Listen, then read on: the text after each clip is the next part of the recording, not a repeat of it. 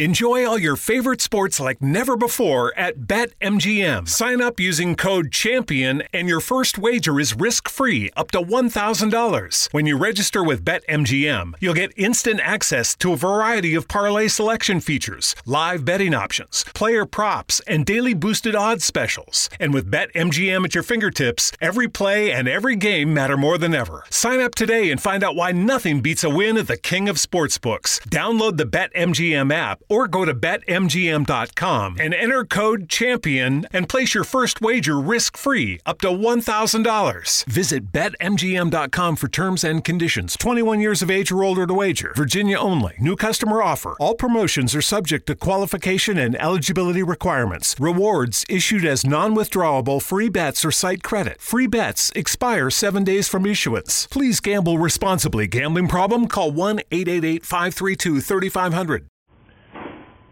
פרשת, פרשת אחרי קדושים,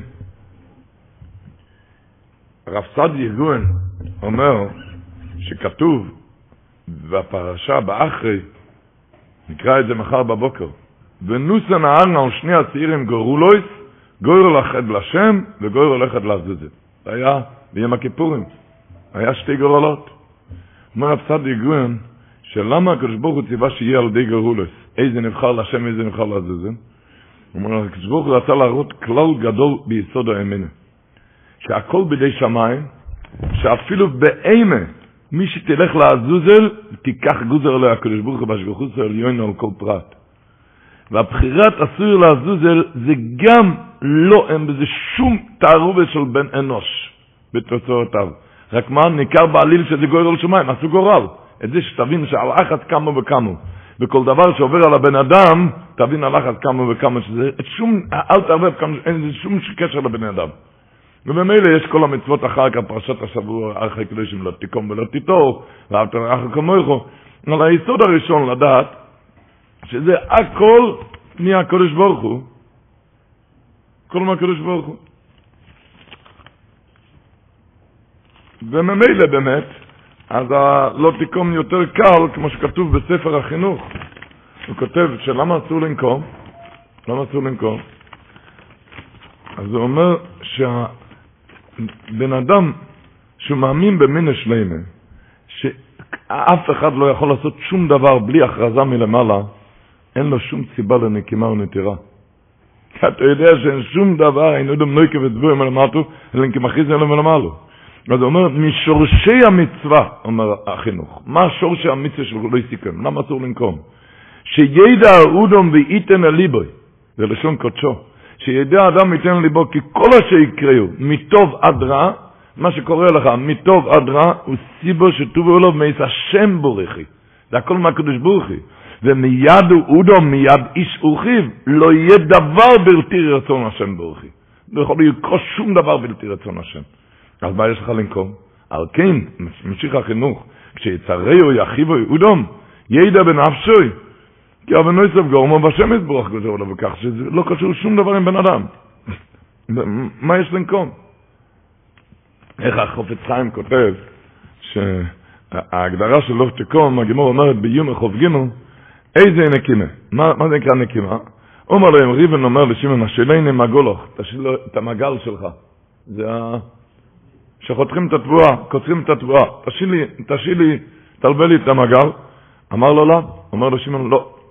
למחרת אמר שמעון לראובן, אמר לו, תשאיר לי את הקרדום שלך, לחפור, קרדום לחפור. אמר לו ראובן, אני לא משאיר לך, לא מלווה לך, כמו שאתה לא שלטני אתמול. זה נקרא נקימה. אומר לך בצחיים, מסביר, שה... למה אסור לנקום? אז הוא מסביר פשוט. מישהו נכנס לבית הכנסת ושואל, מי כאן ראובן? מי כאן ראובן? ואין שם ראובן. אז האם יעלה על דתו לצעוק ולגרור, למה אתה לא ראובן? למה אתה לא ראובן? אתה תצעוק, למה אתה לא ראובן? ודאי, אם אין כאן ראובן, אז מה יש לצעוק? אז אם בשמיים נגזר שראובן ישיל לך את המגל, אז מה אתה כועס עליו? למה הוא לא משיל? כי הוא לא ראובן. אם אתה מאמין, אתה צריך להאמין, להאמין שזה לא הוא בכלל, זה לא הרצון שלה עושה את הדבר. בשמיים נגזר שראובן ישיל לך את המגל. אבל מה יש לך לקצור, לכעוס עליו על, על, על מה שהוא לא רצה להשאיר, זה פשוט הוא לא ראובן. הוא מסיים על זה החופץ חיים, אשרי אנוש, יצייר זה תמיד במחשבתוי, בכל נאורותיו, בחייו הפרטיים ובמסחרו, בחייו הפרטיים ובמסחר, וליבו יהיה בורי ושולם, לא ייסע בכינוסו על החרם, לא ינקום ולא ייטור, יהיה רגוע, יהיה רגוע ושמח בחיים. יהיה רגוע ושמח בחיים. כשבן אדם מבין ומאמין, מה שעכשיו, הרי לפני שבוע הבא, רבי שמעון, שבוע הבא ל"ג בעומר, כתוב בירושלמי בשביעי פרק ט' הלכה א', הירושלמי מספר שאחרי שנגמר 13 שנים שרשב"י ורב אלעזר בנוי ישבו במערה מאימס המלכוס שביקשו להרוג אותם. מספר הירושלמי שרב שמעון בר יוחאי עמד בפתח המאורה והוא רואה צייד שעוסק במלאכתו לעשות ציפורים. וכדרך הציידים, חלק מהציפורים נתפסו בידו, וחלקם זכו להימלט. אבל רב שמעון בר יוחאי שמע, כשהגיע התור של ציפור וציפור לקפל את החיצים של הצייד, אז הוא שמע איך שיוצא בסקול מן שמיא מהשמיים. וכשהבסקול מכריזה דימוס, דימוס זה נקרא חופשי, אז הצייד לא, יכול, לא מצליח לצוד אותה. וכשהבסקול הכריזה ספקולה, ספקולה זה נקרא נתפס, והוא רואה איך שאחר כך הצייד עולה, עולה בידו לתפוס אותה, לצוד אותה. אז הוא ראה, רב שמעון, אתה חושב כאן, זה הלך לי, זה לא הלך לי, אבל רב שמעון שמע איך זה הולך עם בסקול. כשהוא שמע את הבסקול דימוס, אז הוא ראה שהוא לא יכול לתפוס אותה. דימוס זה חופשי. וכשהבסקל יצא ספקולה, הוא רואה איך שהוא יכול לתפוס אותו. אז הוא אמר, רב שמעון לרב לוזור, אם על ציפור שזה בריה קלילה, יש השגחה פרטית בדקדוק והיא לא, לא ניצודית רק ברצון ממעל, בציווי ממעל, אז קל וחומר שעלינו יש השגחה מהשמיים. אם ככה אפשר לצאת ממאורי סירם, מהמערה, שאם לא נגזר עלינו למות, הוא בין כה לא יוכל להרוג אותנו, מה לנו לכבוד. מה הלימוד כאן, ביעשר עומק, שאחד שמצליח בפרנסה, שלא יתלה את זה בכישרון שלו. אחד שהפוך, המפסיד לא ירגיש דפוק בגלל החסרונות שלו, הוא מפסיד, כי הכל הולך עם בסקול מהשמיים. כי תתארו לכם, הצייד הזה עומד שם ועוסק במלאכתו, הוא לא שמע את ההכרזות שרב שמעון בר יוחאי שמע, אז כמובן שהצייד חושב שאיפה שהוא הצליח, זה הצלחה שלי, בגלל שאמרתי כאן, הזריזות שלי. ואיפה שהעוף התחמק מידו, הוא תלה את הדבר בגלל שהוא לא עשה כך וכך, לכן לא הצליח לצאת בזה. והוא לא, אבל אם שומעים בסקול מהשמיים, אם שומעים בסקול מהשמיים, אתה מבין, לא בגלל שעמדת כאן, לכן תפסת אותו, ולא בגלל שעמדת כאן, לא תפסת אותו, אלא הכל הולך עם בסקול מהשמיים. ואפילו אם יעשו לצדך עוד אלף מומחים דוגמתו, לא יוכלו לעשות אפילו ציפור אחד שהכריזה הבסקול עליו דימוס. את זה לדעת בכל דבר, זה לא רק בציפורים, גם אותו דבר בבני אדם. לפני למעלה מיובל שונים, קרה שכמה מטוסים נפלו באותה תקופה. ובאותו זמן היה איזה אברך שהיה צריך לנסוע לחו"ל, ופחד מאוד מהנסיעה הזאת, נכנס לחזון איש. נפל כמה מטוסים. אמר לו החזון איש, אתה חושב שהמטוס נופל? הבן אדם נופל. אם הבן אדם צריך ליפול, אז הוא נוסע על המטוס.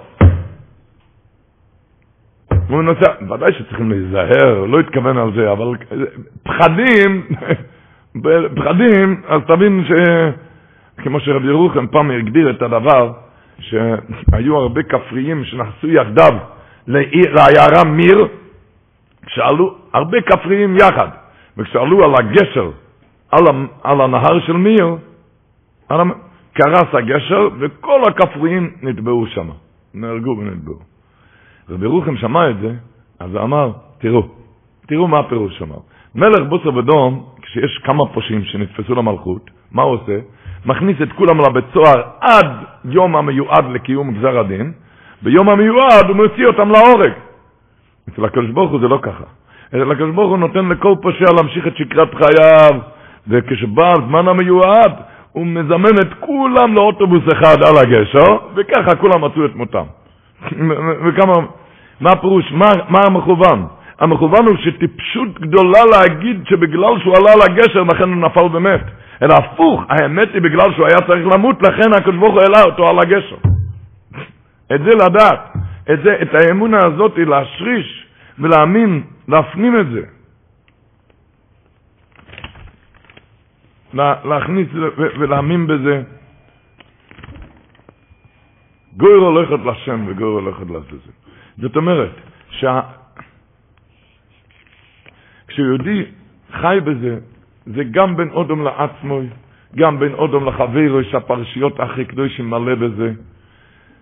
אם בין אודום לעצמו, כמו שהספסמס אומר, מתחיל הפרשת קדושים, איש אימא ואוביב תירוי. מה חז"ל אומרים? מה זה איש אימא ואוביב תירוי? שלא ישב במקומו, אסור לשבת על המקום של האבא. אומר הספסמס, שהקדוש ברוך אומר, אני אבא שלך, כן? אל תשב על המקום שלי, תפסיק לנהל את העולם. אני מנהל את העולם, תפסיק לשבת על המקום שלי. אז השם אותי, הוא כמו איש עם אבוב תראי, תפסיק לנהל את העולם, אני מנהל אותי ככה. וממילא, מה פירוש תפסיק לנהל את העולם? איך אמר רב שמשון רפואל הירש? הוא אומר, תראה את הסויר לעזוז על פרשת השבוע. הוא רואה, השעיר אומר, לקחו את החבר שלו, שחטו אותו, אני עומד כאן חי וקיים. הוא לא היה משתלח, היה עובר זמן, היו צריכים להקטיר את הקטיר לפני ולפנים, לעזות את דם הפר ודם השעיר, ובכל אותו הזמן השעיר לזוז ולומד חי, והוא נדמה לו ששפר עליו גורלו וחלקו, שאת החבר שחטו ואני נשארתי בחיים אותו כמה שעות, ואף יוצא בשלום מן הקוידש, שמוציאים אותו חי מבית המקדוש, אבל בסופו של דבר מה מתברר? שחברו, זה שהיה נראה לך מסכן, הוא זכה להיות קרוב מן השם, שייכנס מן האדם לקודש הקדושים, ואתה נשלח לעזאזל. אז הוא אומר, רב שמעון שרפולה, יש למשל על כל תהלוכות העולם, שלא כל מה שנראה לך כרע זה באמת ככה, ולא כל מה שנראה לך טוב זה באמת טוב. אתה חושב שלשני טוב ולך רע, אתה לא יודע, לא... אנחנו אומרים, אנחנו אומרים כל יום בקטוירס, בפתאום הקטוירס, אומרים כל יום, מונה לכל יום פרט ושחס ופרט מן הרבוים, ושלושה מונה מסיירים שמאיה מכניס כהן גודל. מלא יחופנו והם הכיפורים, איפה? לפני ולפנים. אבל את זה, את שלוש המונים מסיירים, היו צריכים להחזיר במכתשת בערב יום הכיפורים, למה? כי את מה שהיו מכניסים בקודשי הקדושים היה צריך להיות דקו מן הדקו. אז הוא אומר, אתה לוקח את השלוש מנים בערב, שלושת מונים מסיירים, שמהם מכניס כהן בערב יום הכיפורים, מחזיר אותם למכתשת. השלוש מנים מתרים האלו צועקים מורו, מה נשתנינו משאר הקצירת? למה מוציאים אותנו מהכלל? לא רק הוציאתם אותנו מהכלל, עוד, עוד מכתש, קודשים אותנו במכתשת, לשחוק אותנו, להכות בנו מכות מן הימנות, עד שנהיה דקו מן הדקו. למה הוצאנו אותנו מהכלל? מכל הכ... אבל מה, ולא רק זה, אלא מדיקים אותנו, דקו מן הדקו. אבל עבר יום אחד וכל הקושיות מתורצות בבת אחת. לא היה שום שינוי לגריוסה, הפוך, זה די כלמעליוסה. שהכניסו אותם לקודשי הקדושים, אתם נבחרתם לזכות להיכנס לקודשי הקדושים לפני ולפנים. כל המכות במכתשת זה רק לזכך ולרומם אתכם. תזכו ראויים להתקרב אל הקודש פנימו. ללמדנו אורך חיים, שכל מכה ומכה שובר על בן אדם, בפרט כשהוא מרגיש במיצה, כשהוא נתון במכתשת, רחמונו ליצלן. זה רק מעלה אותך. וזה היה אצל רבי שמעון, מה שאנחנו שרים, שרים במאורו הסירים שהועמדתו, שום כוניסו איתך בדורך. במערות צורים שעמדת רק על די האיסורים שעברת, על זה עלית מעלות רמות. כמו שהגימורה אומרת, שרב פנחס בן יויר אמר לרבי שמעון, אוי ליר שראיסיכו בכך, אחי הצער מרם מה שעבר, איך שהוא היה נראה, אמר לו, אוי לי שאני רואה אותך בכך, הוא היה חתנו רבי פנחס בן יויר, חתנו של רבי שמעון בר יוחאי. אמר לו רבי שמעון בר יוחאי, אומר את הגימורה, אשריך שראיסני בכך, שאילמולי לא ראיסני בכך, לא ימוצוסו בי כך. אם לא היית רואה אותי בצער מר, לא אחי הצער מר, לא הייתי מגיע לאיפה שאני הגעתי. לא הייתי מגיע, איך יש איזה, יש איזה מליצה שאומרים, כדאי הוא רבי שמעון לסמוך עליו בשעת הדחק. אומרים, אתה יודע למה כדאי שמעון לסמוך? למה רק אליו נוסעים? למה רק למירון? כי בשעת הדחק הוא עבר שעת הדחק. כדאי הוא רבי שמעון לסמוך עליו, בגלל שהוא עבר שעת הדחק. את זה, כזה וכזה, כל אחד עובר עם הרידודים שלו והתיקונים שלו. רב חסקול קזמירר היה אומר שיהודי הוא כמו מצתאי, כמו בצק, כמו מצק המיועד לאכילת מצה. כל זמן שמרדתים אותו, הוא יום תבדיק. אם פוסקים לרדדו, נהיה חומצדיק. הוא התכוון להגיד את זה על יראת שמיים, שכל אחד אם מתרדד ביראת שמיים, אז הוא יום תבדיק.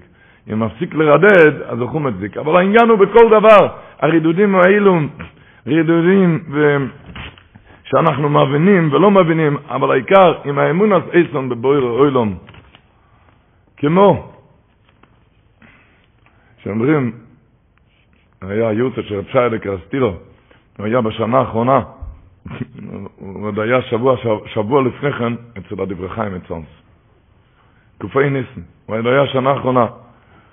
וכשהוא נסע לקופי ניסן, לדברי חיים, ביקשו ממנו, הוא נסע עם הרכבת עם כל הקהל, לא מתאים, הרבי יושב, נסע עם כל הקהל, ביקשו ממנו שיקחו שנעלצוג, שנעלצוג זה כמו ספיישל, לקחת ספיישל. אמר, לא, לא, לא, אין כסף. היה הרבה כסף, ליהודים, לאנשים היה הרבה כסף, אבל לעצמו שום דבר. הוא נסע לשם, והיה לו דלקת ברגליים, ועשה שם, עשה שם פראבן, עשה שם פראבן, ומישהו דרך לו על, הרגל, על הרגל, והיה כאבים נוראים. על דרך חזור אמרו לו, רבי, שנלצוג, לקחת פשע, לא, לא, אין כסף. היה הרבה כסף לאנשים, לא לעצמו. הוא הגיע הביתה, אז רצו לקרוא רופאים, כי היה לו כאבים נוראים. אז אמר, אין מה לקרוא לרופאים, כי הוא צריך לעזוב את העולם. למה? היה שם פראבן, פראבן, היה... היה שם כבוד גדול, כבוד מאוד גדול שם, היה כבוד מאוד גדול, והיה שם עין הרע. וממילא הולך לעזוב את העולם. אמר לא, לא, לא לקרוא לרופאים. והוא באמת כמה ימים אחרי כן נפטר. אז אמר ככה, היה שם פראבן, היה כבוד גדול, הוא צריך לעזוב את העולם, אבל אמר שנה שעברה גם היה פראבן. אבל שנה שעברה היה בדרך חזור עגמת נפש. מה? עצרו את הגבאים, היה שם דרכונים מזויפים, היה שם שמח, היה מעצרים, היה עגמת נפש, וזה פיתל את העין הרע. השנה הכל הלך חלק, אז לא עלינו, העין הרע... הלימוד, כשבן אדם עובר את הדקו מן הדקו, לא יודע למה הוא מציל, מה מציל ממנו. לא יהיה שבמקומו יאמר הקדוש ברוך הוא, אל תשב על המקום שלי. אתה רק תשמח בי, תשמח בי.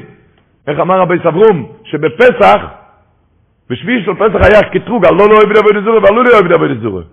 שואל רבי סברום, למה, למה בליל פסח לא היה הקטרוג הזה? בליל ראשון של פסח אה, לא היה קטרוג, הם גם היה ערומים מן המצוות. למה אז לא, זה כתוב רק לפני קריאת ים סוף, היה קטרוג, לא לא אוהב דוד זורי ולא אוהב דוד זורי. למה לפני יציאת מצרים, שבוע לפני כן, למה לא היה קטרוג? אז הוא אומר, אז היו ערומים מן המצוות.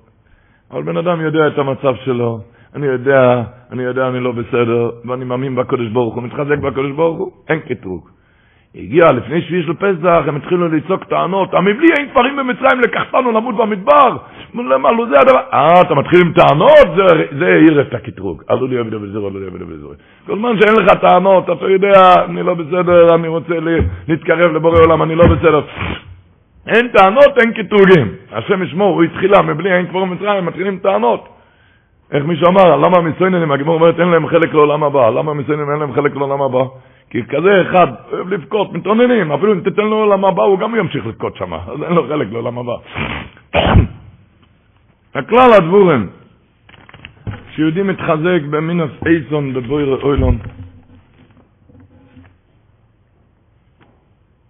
תמיד מתחזקים בקדוש ברוך הוא.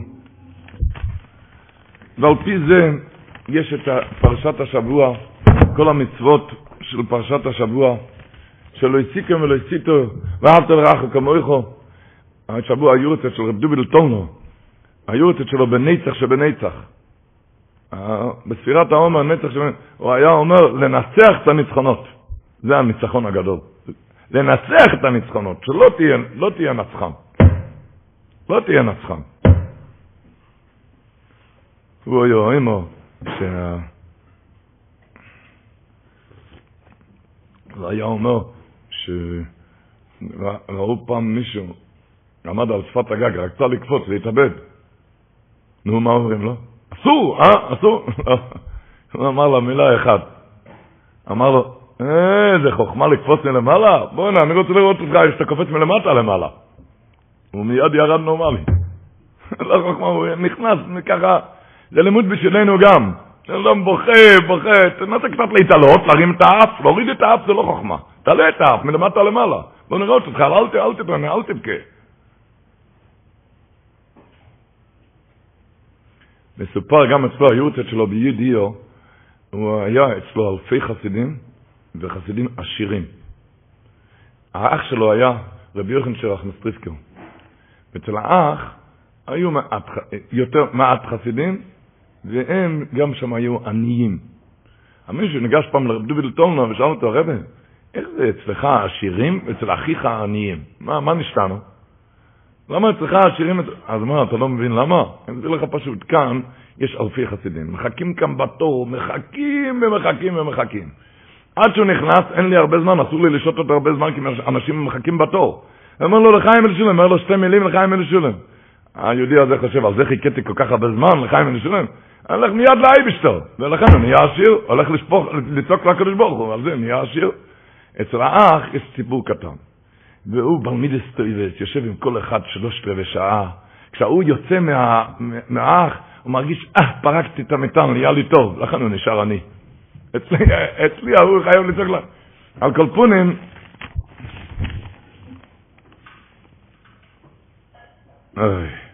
הקדושים שברו אצלנו, הוא אמר פעם, בדרך אגב, מדברים על ההילולה שלו, אמר שבחודש איור, זה זמן, כתוב במדרש, הרי ידוע בחודש איור, אז היה דגולם, כן? פרשת במדבר, כל הזמן באחד לחודש השני, בדגולם. אבל במדרש כתוב על החודש הזה, דברים גדולים, שהחודש הזה, שהאבא ודיגלו אולי האבא, הדגולים, מה שהיה האבא לקדוש ברוך הוא עם כלל ישראל, אמר רב דובל תומר, ושם אלוקינו נדגול, ימלא השם כל משלותיך.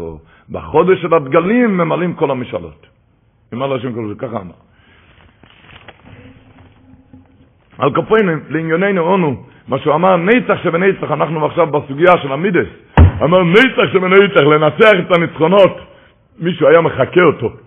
את רב דובל תומר אהב לחכות את הרבה, חיכה אותו. מה שהוא עשה, הוא גם עשה. אז שאל אותו, לא יותר יכול לחכות מה שאני לא עושה לא לעשות? לא הייתי גם יכול לחכות מה שאני לא עושה לא לעשות. אז אובנס בוינן קצת כמה גדולים מעשי צדיקים בעניין הזה.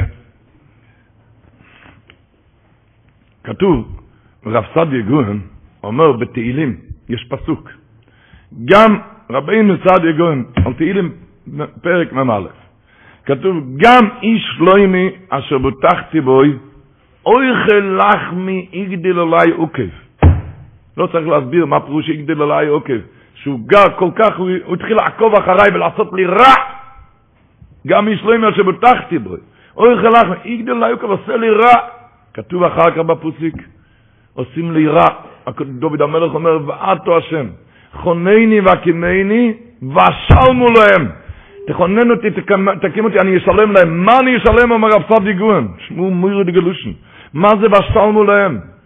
אומר רב סעדי גוהן, ישלם להם תויבו תחסרו, כפי שהשם רוצה ממנו. אני אשלם להם טובה תחת הרעה מה שהם עשו לי, כמו שהשם רוצה ממני. מה ממשיך הפסוק? בזויס יודעתי כי חופצתו בי, כי לא יריע אויב ולא יאמר, בזויס, אומר רב סעדיה גוהן, בזה שאני אשלם להם טובה תחת רעה, בזה יודעתי כי חופצתו בי, בזה אני יודע כי חופצתו בי, והיא דבר השם לא הסיקם ולא הסיתו את בני עמך. אומר הרב סעדיה גוהן. זה דבר השם של פרשת השבוע, לא תיקום ולא תטור את בני עמך. מה? איך, איך, איך לומד פשט רב סעדיה גוהן להשיב טובה תחת רעה. ושם עליהם תויבו תחת צרו, ישלם עליהם תויבו תחת צרו כפי שהשם רוצה ממנו, ואי דבר, וזה הוא ממשיך, בזויס יודעתי כחופצתו בי, בזה שאני אשלם להם תויבו תחת צרו, אז אני יודע שאתה חפץ בי. הוא אומר, ואי דבר השם לא הסיקם ולא הסיתו. נו ירדי גזחן. האם רמס היה אומר, שכתוב בפסוק במשלי זין, נשיב רו תחת תויבו, לא יתומיש רו מביתו, שאחד שעשה לך טובה ואתה מחזיר לו על זה רעה, השם ישמור, אומר שלמה המלך, רעה לא, לא, לא תמיש מהבית שלו. רעה לא ת... השם ישמור, כי זה הדבר הכי גרוע, משיב, משיב רעה תחת טובה. אמר להם רמז, המידה כנגד מידה, אחד שהוא הפוך, משיב טובה תחת רעה, הוא עשה לי רע ואני עושה לו בשביל זה טובה, אז בוודאי שלא תמיש טובה מביתו. כשמחזיר טובה תחת רעה, ודאי לא תמיש טובה מביתו. אז כמה זה קשה, זה מאוד קשה. להשיב טובה תחת רעה זה מאוד קשה. אבל בביזנס משקיעים, לא תמיש טובה מתוך ביתו. והם מספרים שאצל האמרי אמס, זה היה הוא או יאוימו, כי מסופר, כשהוא היה אחרי החתונה, היה גר בעיר ביאלה. ובשכנתו היה שם איזה אברך שירד לחייו, היה רדף אותו עד חורמו. ממש רדף אותו. בינתיים פרצה מלחמת העולם הראשונה, שידוע שהרבה הרבה מאחינו בני ישראל נשארו אחר כך ערים ערים וחויסר כהל. ערמים, אין דירה, אין פרנסה. והאמרי אמס התחיל לדאוג בשבילו הכל, לד... לדירה ולמאכל, למלבושים, לכל ההצטרכויות. הוא כל כך הרבה להיטיב איתו, לדאוג לו עוד ועוד, עד שהרבנית צעקה על האמרי אמס, אני רואה שאתה לא יכול לשכוח מה שעשה לך, אה? לא יכול לשכוח מה שעשה לך, שהוא כל כך, כל כך התחיל לדאוג בשבילו. אז היא אמרה לו, אני מבין שאתה רוצה לשלם לו טובה תחת רעה, אבל הוא לא עשה לך כל כך הרבה רעות כמה טובות שאתה מחזיר לו, מספיק. ככה היה, ככה היה מהחבר'ה האלו. היום היורצייט היה של האמרי יוסף מספינקה. החכליצרוק, הבן שלו מביא בהקדומה, שהגיע אליו פעם איזה רב, הגיע רב, והוא כיבד אותו לא סתם, זה היה יותר מדי, כי זה לא התאים לרב הזה כזה כבוד. הוא לא היה בממדים כאלה, ולא סתם כבוד, רק, אה, אה, עד כדי כך הוא אומר שהאמרי יוסף היה לו מנהג שהוא לא היה אוכל פס שחס עד שלא גמר את כל סדרי הלימוד שלו. כל הסדרי הלימוד, קודם ואחר כך שחס. ולכבוד הרב הזה הוא נתן לי עדיין פס שחית לכל איתו. כיבד אותו, לא כפי ערכוי. והוא לא הבין מה הולך כאן. אחר כך יצחק לא הבין מה הולך כאן. עד ש... הוא שאל את אבא, מה, מה, מה, מה הולך כאן? הוא אמר, תשמע, מלפונים, לפני שנים, אני נדדתי בערים לחזר על כסף, הייתי צריך כסף, על פסחי נדיבי העם. הגעתי לעיר ש... איפה שהרב הזה מורד עשה. הגעתי איפה שהעיר... ואיך שהכרזתי על מה שהגעתי, והוא יכל לעזור לי, אבל לא יקום ולא יזור, לא, לא סייע אפילו מעט מזהר. כלום, ממש כלום, כלום לא זז, והיה בידו לעזור לי. עכשיו כשראיתי אותו מגיע לכאן, התעורר בי הרצון להחזיר לו כגמילה בראשו, להרחיק אותו כחויק מזרוח ממערב. לכן שברתי את הטבע שלי וקירבתי אותו קיר ויסירו וחיבו, נטלתי ידיים פסח חזקי, הייתי צריך לשבור את הטבע. לשבור את הטבע מהקוצר לקוצר. ככה הוא מציין לך קליצריק בהקדום ישר, כאלו הנהגות, וכאינו כאינו ראינו אצל האבא, איך שהוא היה מכבד ומקרב את דור שרעוסוי, דור שרעוסוי, כדי לשבר את טיבו ורצונו יסוד. התורה מדברת אלינו פרשת השבוע, התורה מדברת אלינו, ש... איך כותב הפלא יועץ? הפלא יועץ אומר שהבן אדם, הוא, הוא כותב, כתוב בתורה לא הסיס אחיך בלבבך. אז הוא אומר, הלשון שלו, לשונו הקדוש של הפלא יועץ, הוא אומר, לא הוא צריך לצוות שלא לשנוא את מי שמטיב עמו ואין לו עליו שום תרומת. התוירה לא כתב לא הסיסנו את זכיחו, אל מי שמטיב עמו, אל מי שנותן לך אלפיים דולר כל חודש. לא עליו התוירה אומרת לא הסיסנו את זכיחו. זה מאיכת שיסנו את זה, בוודאי שאוהב אותו. לא הוצרך הכתוב, אומר, אומר הפלא יועץ אלא למישהו, אוי ואוי ומבקש רעוסוי. ועל זה תפסו תוירו שלו לשנוא אסוי, ולא רק אולי אוי ואוי זה כגופוי. אז הוא ממשיך, הוא נאי שדובר כושר הוא דבר קשה לשלם טוב ותחת צרור. אבל כיוון שציווני כן יצרנו, שמע מנו שידובו שיוכל לסקיים, שלא נתאר למלאכי השורס, ואין הקש ברוך הוא בבטרין ימרי אויסוב. נו, איך מגיעים לכזה, לכזה דרג? למה? אלא שצורך, זהו זה. תבין איך אתה מגיע לדרג, אומר הפלא יועץ, אלא שצורך. תרחו גדולו ועצמודו רבם, לחשוב מחשובו, שמפי אליון תייצר איזה הטוב לטוב של אדם. זה לא קשור אליו. מה שהוא לא נתן לך, הוא לא עזר לך, אצל האמרי יוסף הוא לא עזר לך. יבין האמרי יוסף זה לא הוא, זה הקדוש ברוך הוא. איך אמר החופץ חיים, לא קוראים לו ראובן. זה לא הוא. ראובן צריך להטיב איתך, והוא לא ראובן. זה מפי אליון תייצר איזה הטוב לטוב של אדם.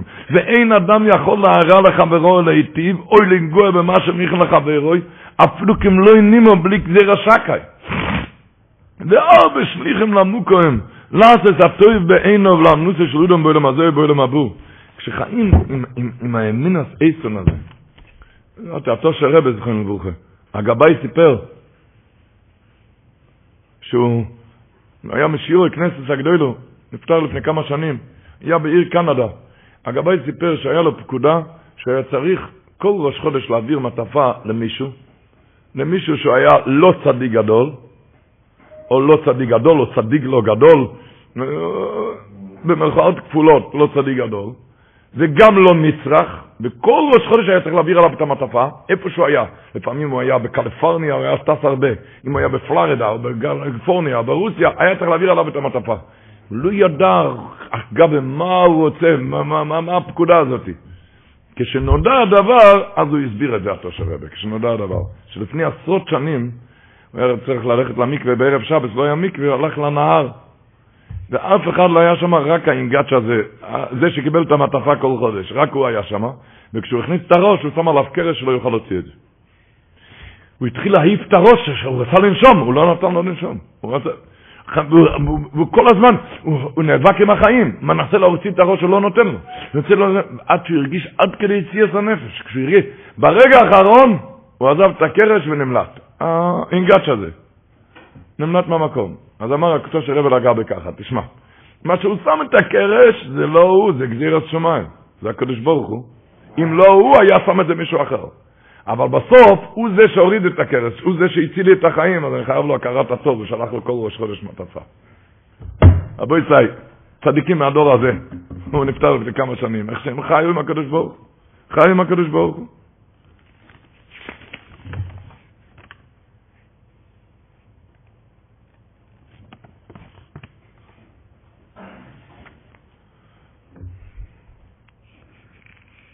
מיישיב טויבו תחסרו בכאילו מימדים זה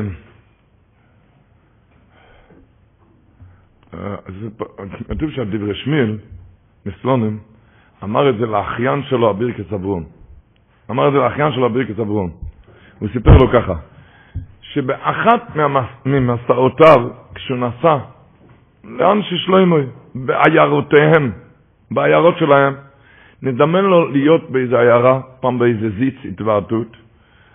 אה, כשהוא אמר שיחה, היה מספר סיפורים, אמר ורטר. ואז אומר אחד החבר'ה שם, קפץ עליו זה, מה שאמרתי הוא סתר. פרחס, תראה, אם אמרתי וורט זה לא מדויק, אם ספרתי סיפור זה היה הפוך. מה שאמרתי, הוא, הוא תיקן, במרכאות. אומר, בהתחלה לא הבנתי את הכוונה שלו. לא הבנתי את הכוונה שלו, וחשבתי שהוא רוצה באמת לתקן. ברגע שהבנתי שאין לו שום כוונה רק לקנטר אותי, אז התחלתי להקל עליו את המלאכה. איך? בסיפורים ודיבורים, שיהיה לו קל יותר להפריך אותם מכל וכל. התחלתי להגיד כאלה דברים שהוא יוכל יותר להפריך אותם מכל. אמר, אז הוא אמר לבירקס אברום, הדיבר שמין אמר לו, מה אני אגיד לך? הלב של ההוא נהפך לגמרי לגמרי תוצאה מזה, והיום הוא נהיה לי לידיד ואוהב נאמן, ולא רק מידידיי הנאמונים, אלא כל אשר לא ייתן בעבורי, והוא מוכן למסור את נפשו עליי. אתה יודע למה נהגתי ככה? תדע כי ככה את דרכו של תרא וכל בן אדם מחויב לנהוג כן. רק הסיבה שאני מספר לך את הסיפור הזה, הוא אומר, זה אני אומר לך עצה טבע. איך אומרים? לא מוסרי, אלא על פי טבע בני יהודה מעצה טבע. כי רק בדרך הזה תקנה את הלב של השונא, תהפוך אותו לאוהב הגמור. היום הוא מוכן למסור את נפשו עבורי. היום הוא מוכן, היום הוא מוכן למסור את נפשו עבורי. אז ברגע שקלטתי שהוא רוצה פשוט, הוא רוצה להפריך אותי. עוד בהתחלה חשבתי שהוא מתכוון ברצינות לתועלת הסיפור או לתועלת עבור. ראיתי שהוא רוצה להפריך אותי, הקלתי עליו את המלאכה. התחלתי ברורה, כאילו תדרוך עליי, נו, הלאה. ונראה, והלאה, והמשיך והמשיך, ככה אמר שלום זלמן אוירבך פעם למישהו, הוא אמר את זה לנכד שלו, כשהיה אצלו איזה ראש ישיבה. והראש ישיבה הזה אמר לרב שלום זלמן, אני מקנא בכם, אתם חיים בגן עדן, אני בגיהנם. אני חי, הראש ישיבה ככה אמר לרב שלום זלמן. רב שלום זלמן שתק, הוא לא אמר לו שום דבר. אבל אחרי שהראש ישיבה הזה יצא, אמר רב שלום זלמן לנכד, אמר, נדמה לו שאני חי בגן עדן והוא בגיהנם, אני לא ראש ישיבה. הוא גם היה, רק האמת הוא שההוא עושה את הגיהנם לעצמו. ואני התרגלתי מימי נעריסי, מימים שנים הצעירות הרגלתי את עצמי, שאם מישהו מתקרב אליי בשביל לדחוף אותי, אז אני מיד חוזר לאחוריי שיהיו שתי דחיפות, אז הוא כבר לא יכול לדחוף אותי. הבנתם? ולכן אני חי בגן עדן, אני חושב שלי אין גרם. התרגלתי כשמישהו בא מתקרב אליי בשביל לדחוף אותי, אני מיד חוזר אחורה, שיהיו שתי דחיפות, במילא הוא כבר לא יכול לדחוף אותי. מה הוא מתכוון להגיד? מתכוון להגיד לו, שאנשים סובלים הרבה, נדמה להם הכל סביבותם שהם מושחתים. גם בבית וגם בראש כולל וגם בבית, כולם מושחתים. ומשום מה נגזר עליהם מהשמיים לחיות בגיהנום. אבל יש להם טעות גדולה ומרה. אם הוא היה מתקן את עצמו, כבר היה לו טוב גם עם אחרים, עד שהוא היה חי גן עדן בעולם הזה גם. מישהו בא לדחוף אותי, אני דוחף את עצמי שתי דחיפות אחורה. ממילא לא יכול לדחוף אותי, עושה את הגן עדן. זה אינטרסנט תיבות כזה. זה לא בדיחה וזה לא מליצה. רק כדאי להתרגל. אם, אם לא התרגלנו בשנות הנעורים שלנו, אולי היום להתחיל להתרגל קצת. איך הוא אמר נצ'י ושולם? אמר, כתוב ולא יאכלי לשתת מים ממורו כמורו ימאים, על כן קורו שמו מורו. אומר, יש אנשים שממורמרים מכל סיבה שלא, תבוא, שלא תבוא, או מטבע תכונותם, ולכן הם רואים את כל העולם מר.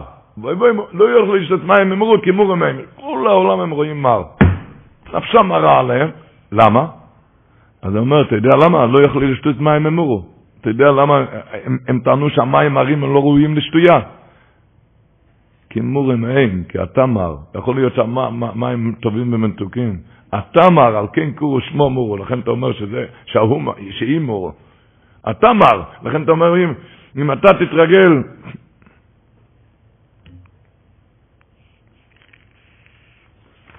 העניונים האלו, רבו ישראל, כאלו וכאלו, כשה...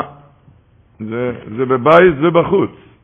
זה לא רק בחוץ, והשבוע לא הציקו לציפרס בני עמךו ואף כל רעכו כמוכו. אם זה מה שאומרים בשם רבי יצחק אלבורקר, שהוא אמר, הרב הכושר רבי יצחק אלבורקר, הוא אמר, אם הקדוש ברוך הוא רצה למלות את העולם, לא יצוי ברו לשבט יצורו, פרו ורבו, הקדוש ברוך הוא כל יוכל, יכול למלות את העולם גם בלי להתחתן. גם בלי להתחתן.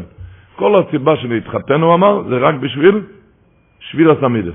את החיים השני אתה צריך לשבור את עצמך, שכבר לא בחור בישיבה. רק בגלל שביל הסמידס. אז ממילא תירגע. זה משמעות חשוב, זינגר סיפר שהסטייפלר פעם שלח אותו לברר על איזה בחור, בשביל הנכדה שלו. לברר על הבחור. ואחרי הבירורים הוא שמע שמשופר לשופר לומד 18 שעות ביממה. והגיע אליו, והתחיל להגיד ולהגיד, והסטייפלר המשיך, ומה עם מידס טויבס?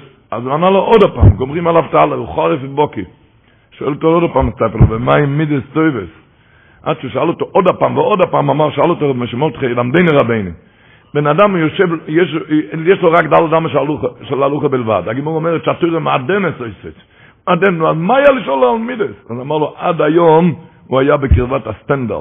בחברת הסטנדר, היום הוא הולך להתעסק עם אנשים, הוא צריך לדעת איך להתנהג, הוא יודע איך להתנהג, אדרבה, בגלל המעלות אני צריך בירור טוב איך הוא, איך הוא יודע להתנהג עם אנשים. איך להתנהג עם אנשים. יש מכתב של רב מוישה אונגר, היה חתנו של קודש הקדושים גאון הגהוינים בדברי חיים. הוא כותב לו מכתב שמדברים לו בחור, תלמיד חוכם, ירא שמיים, האם לגמור את השידוך, הוא כותב לו בחזרה, את העיקר לא כתבת לי, האם הוא מנץ', ככתוב בתוירו, אז ביתי נסעתי לאיש הזה. האם הוא מנץ'. הוא בחור חשוב, אמר הסטייפלר, אמר לו, בחור חשוב, אבל הוא היה יודע בחברת הסטנדר. אני יודע מי זה בחור חשוב. לפני שנים רבות זה היה. בחור מאוד חשוב היה, מופלא בישיבה הכי כתובה. בחור מופלא. וליידר נספרדו החבילה אחרי תקופה מהחתונה. אלו האסקונים אז אמרו שזה נראה כמו בדיחה, אבל, אבל התוכן של הגט היה בגלל אם להדליק את המנורה או לכבות את המנורה. הבחור הזה אף פעם לא התרגל להתכופף לדעה, לדעה של השני, אף פעם, וככה זה נראה השם ישמו. האם הוא מנץ', ככתוב בתוירו, הסביתי נוסעת ראש הזה, אתם יודעים מה זה מנץ'? צריך שלומי זלמן חזר פה מהכותל המערבי, היה דחיפות, כולם רצו ברוכה. ואחד הלך ודחף כמה חבר'ה, תן לי ברוכה. אמר, אני מברך אותך שתהיה.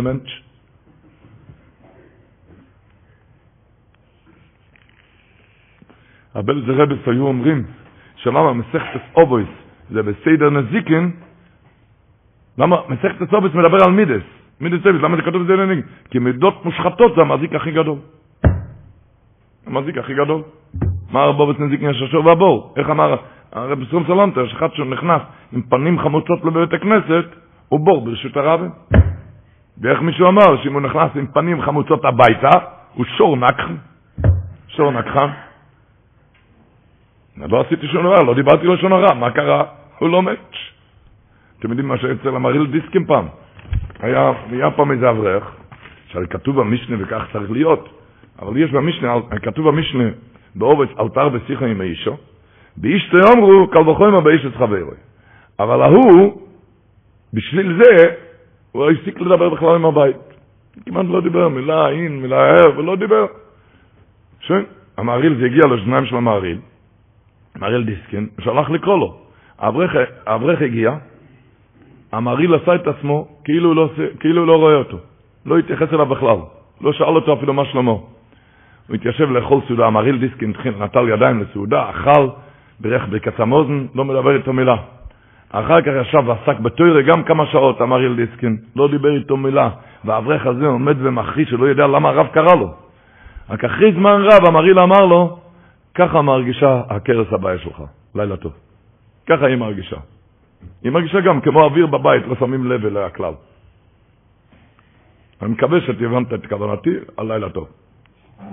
הוא לא היה אומר לו, אם היה אומר לו, לא היה מבין. אבל זה אלתר בשיחו, מה זה אלתר בשיחו? הוא דיבר את זה בשיעור חזוני, שיעור פריסקים, כל השיעורים ביחד הוא ידר את זה, אלתר בשיחו. הוא לא היה מבין אם היה מסביר לו. פעם אחת שתרגיש את זה, עכשיו הרגשת, עכשיו תבין.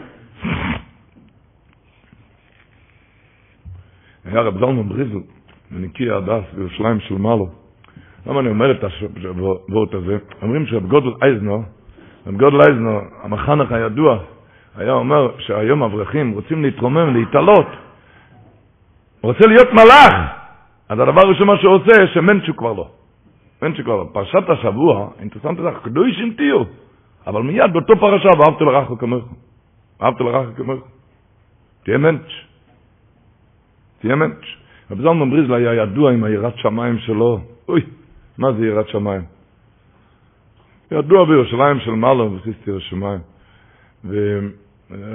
הנכדים שלו מספרים שהוא נתן להם הדרכה לפני החתונה, שמה שעובר עליהם בחיי היום-יום, אם הראש כולל צעק עליהם, או החברות עזב אותם, או הבוס פיטר אותו, כל העגמת נפש עד דלת הבית. בבית פנימה אתה צריך לראות דוונטום טאנסן, שכותלי הבית, הקירות ירקדו ויקצו מרוב שמחה. כל הגמת נפש שאתה עובר זה עד פתח הבית. והנכדים שלו מספרים שעד גיל 85, כשהוא היה ב-85, אז היא נפטרה הרבנית שלו. אומרים שעד גיל 85 הוא היה נכנס הביתה, היה עושה קדצ'קה לשמח אותה. אתם יודעים מה זה קדצ'קה? זה ריקוד שמח שנהוג בעיר הקודש ירושלים. יש כאלו ש... שעל קפונים לא מבקשים כאן לעשות קדצ'קס, אבל תבין את ההוראה. שאתה צריך לדאוג שבבית תהיה שמח. זה התפקיד שלך.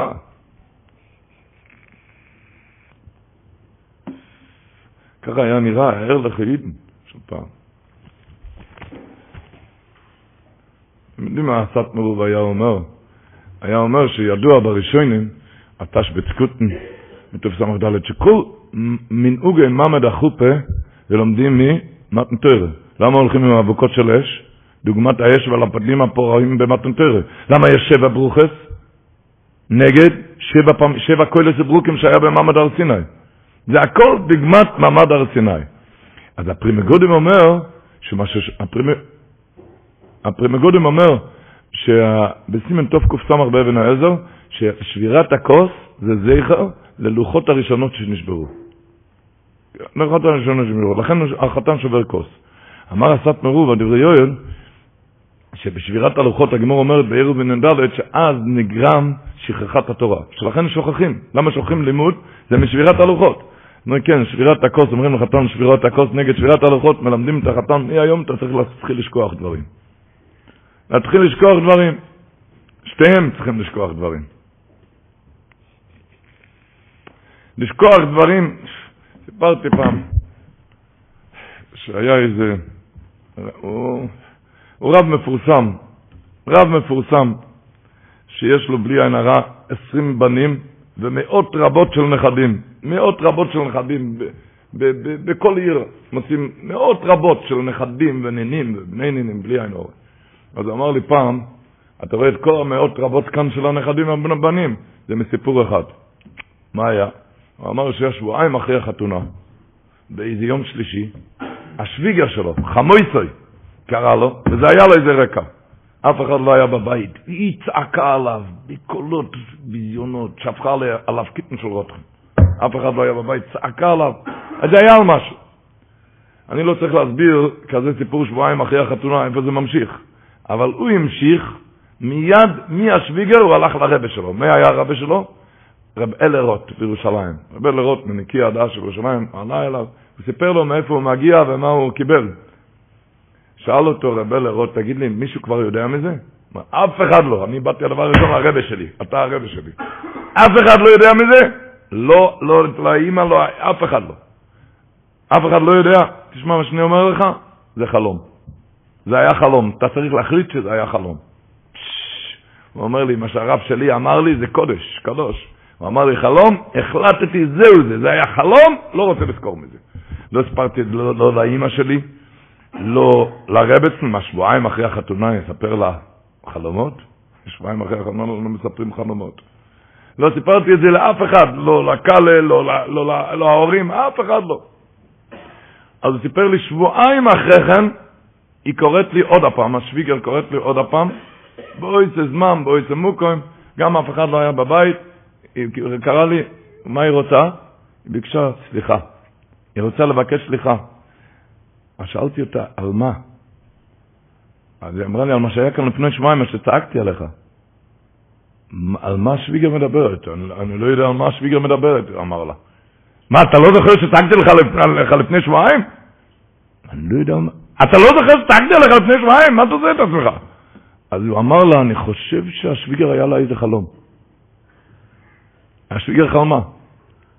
היא התחילה לצעוק, מה אתה, אתה לא זוכר כזה דבר? אז הוא אמר לשוויגר, השוויגר יודע, יודעת שאני לא, לא ילד טוב בירושלים. אם היה קורה כזה דבר, האימא שלי לא הייתה יודעת מזה? בבית לא היו יודעים מזה? אז היא התחילה להגיד לו, באמת, מצאתי השבוע את האימא שלך, היא לא אמרה לי שום דבר, לא...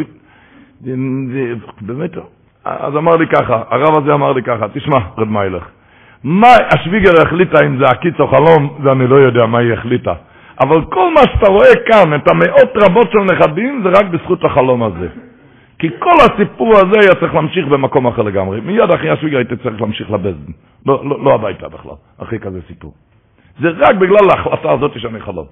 מתכוון, אמרנו ששבירת, ה, ששבירת הכוס, להתלמד לשכוח דברים, להתלמד לשכוח דברים, וככה בונים בית 80 שנה בבת אחת, ולא עושים חורבן ברגע אחד. על קופונים, ואהבת לרעך וכמוך זה כבר גודל בתרא, זה גם בבית. על קופונים, כמוך, איך כותב המצילות ישורים, ואהבת לרעך וכמוך, כמויכו בלוישים הפרש, כמויכו בלי חילוקים, בלי תחבולו אצל מזימויס, כמויכו ממש. כמויכו ממש. היה מויר די גמייס אצל הברדיט שברוב, להבין מה, איך, מה זה ואהבת רחו כמויכו. מסופר שהיה אחד חולה, שהרופאים אמרו שכבר הגיע עד שער מובץ, שזה סיפור של כמה ימים עד שהוא עוזב את העולם. חולה כבר היה לעזוב את העולם כבר. והברדיס ברוב הלך לבקר אותו, הקרישס לוי, ואיך שהברדיס ברוב נכנס, הוא פרץ בבכי מר.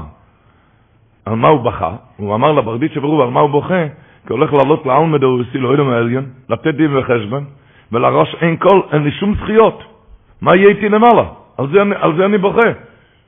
אמר לברדיס ברוב, תירגע, תנוח ביתך, אני נותן לך חצי מהחלק שלי בעולם, מה בוא נותן לך? חצי רבו ישראל, חצי מועלם אבא של הגברדית שברוב.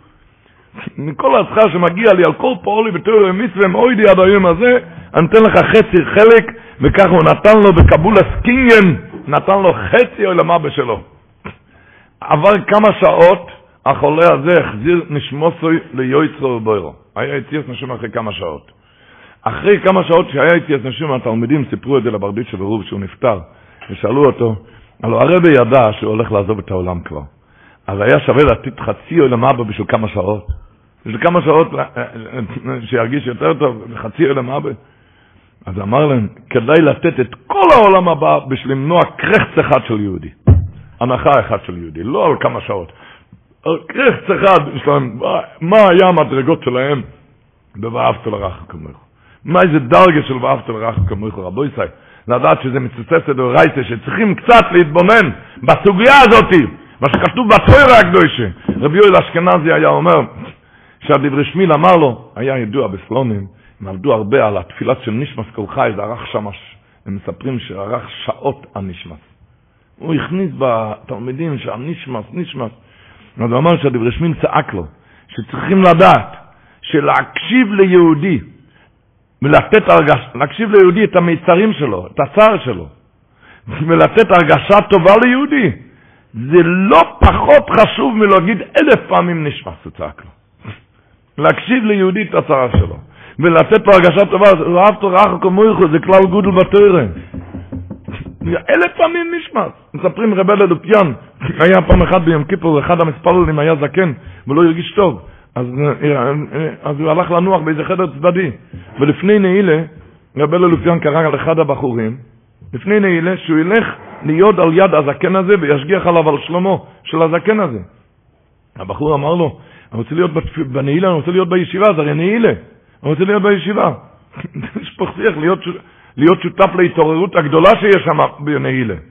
אמר לו רבי ללופיאן, לגמול חסד עם יותר חשוב מתפילת נעילה. לעשות חסד עם יהודי זה יותר, זה התורה אומרת עכשיו, אהבת רחו כמוך, הוא לא מרגיש טוב שם, הוא לא מרגיש טוב. הוא סיפר, דוד סולובייצ'יק, זכרנו לברוך, שעכשיו נפטר, הוא סיפר כשהוא היה צעיר, האבא שלו נכנס אליו עם מטפה, זה היה באמצע הלימוד, נתן לו מטפה, שילך לאיש פלויני, אוני ואביון, למסור לו את המטפה. אז דוד אמר, שהוא אמר לאבא שלו, לבריס קרוב, הבריס קרוב היה אבא. הוא אמר לו, אולי אפשר לדחות את השליחות קצת יותר מאוחר, כי שעה וחצי הוא כבר מתייגע באיזו סוגיה חמורה מאוד. שהוא לא הבין, ורק עכשיו הוא מתחיל להבין את זה, אז הוא רצה לבנות את הבניין, הוא רוצה לסיים את הלימוד, ואחר כך לסיים את הלימוד. אם אפשר לדחות את זה, ב... אם אפשר לדחות אה, אה, יותר מאוחר. אמר לו הפריסקרוף ככה, הרב של אבא שלו, אמר לו שאצל האבא שלו, אצל רב חיים בריסקר, האבא של הבריסקרוף, היה פעם אסיפת רבנים, גדולי הדור, ובין הדיבורים נתגלגלה השיחה על רב אלה מייזל. שהיה אחד מגדולי, ואחד הרבונים שישב שם, דיבר, דיבר על רבי אלוהים מייזל, אמר קצת בכזה ביטול, שבגלל שהוא עסק כל, עסק כל כך הרבה בצדוקה וחסד, לכן לא נשאר ממנו ספר חידושים. ספר של חידושים. זאת אומרת, אם הוא היה ממעט בחסדים, היה יכול לחדש יותר, ללמוד ולחדש יותר. איך שרב חיים שמע את זה, רב חיים ריזקה שמע את זה, הוא נעמד על מקומו בסערה וצעק. כשיהודי לא לומד תורה, ובאמצע הלימוד מבקשים ממנו לעשות טובה ליהודי, במקום שאי אפשר לעשות על ידי אחרים, אם אי אפשר לעשות את זה על ידי אחרים, והוא דוחה אותם בטענה שהוא לא יכול להפסיק מהלימוד, אז הוא צריך לדעת שאפילו כשהגימורה פתוחה זה כמו סגור. ואם הוא סוגר את הגימורה בשביל ללכת לעזור ליהודי, אז אפילו כשזה סגור זה גם פתוח. וככה זוכה לסייעתא דשמיא והתוירה מתברך את עצמו.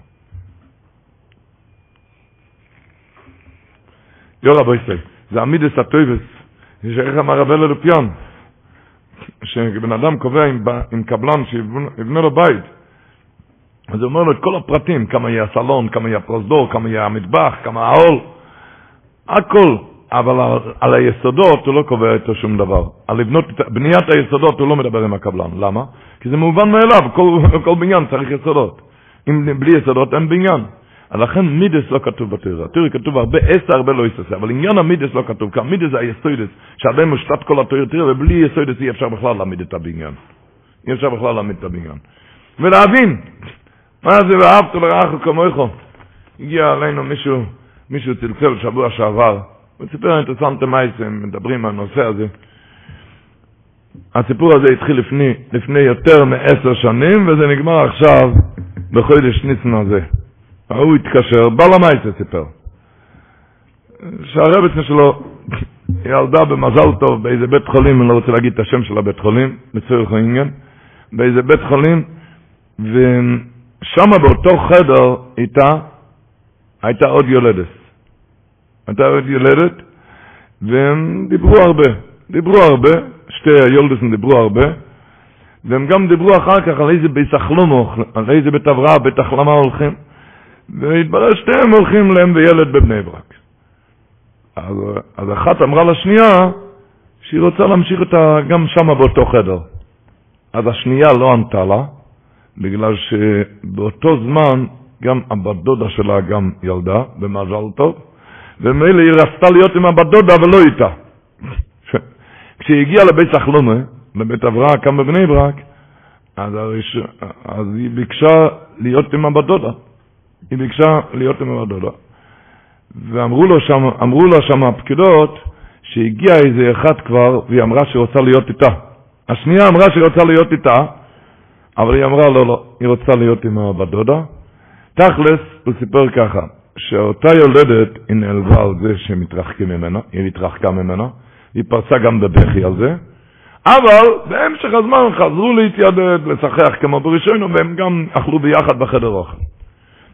הוא אמר ככה, עבר זמן, העיניים של היולדת, העיניים של היולדת שלא רצתה להיות איתה, זאתי שרצתה להיות עם הבת דודה, ולא רצתה להיות איתה, הילדת הזאת, העיניים התחילה להתנפח מפעם לפעם, והיו צריכים כמה טיפולים לקחת תרופות, היה מזה סבל גדול, אבל לא אוידו אומר העיקר שהתקיים בה גם הפסוק ותעמוד מלדת, ש... תשע שנים. ותעמוד מלדת. וראי זה פלא, הוא אמר לי, שהבת דודה גם עמדה מלדת, גם הפסיקה, ללדת.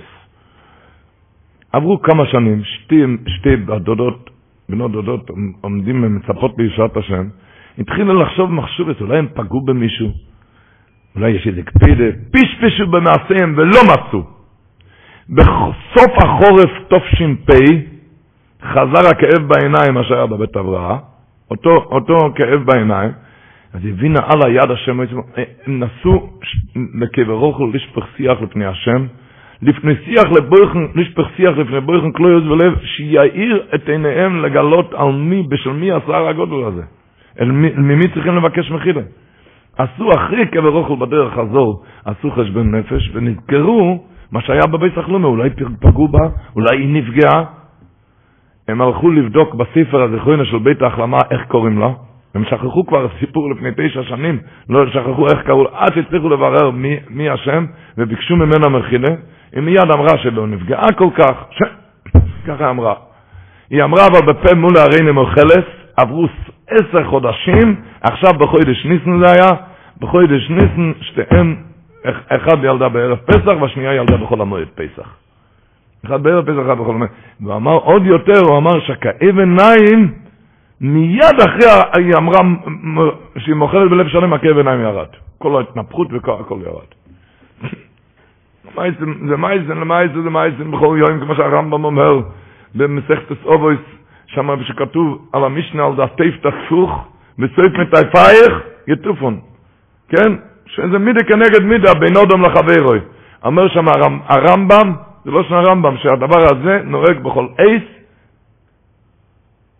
היא בכל זמן, היא בכל מוקר.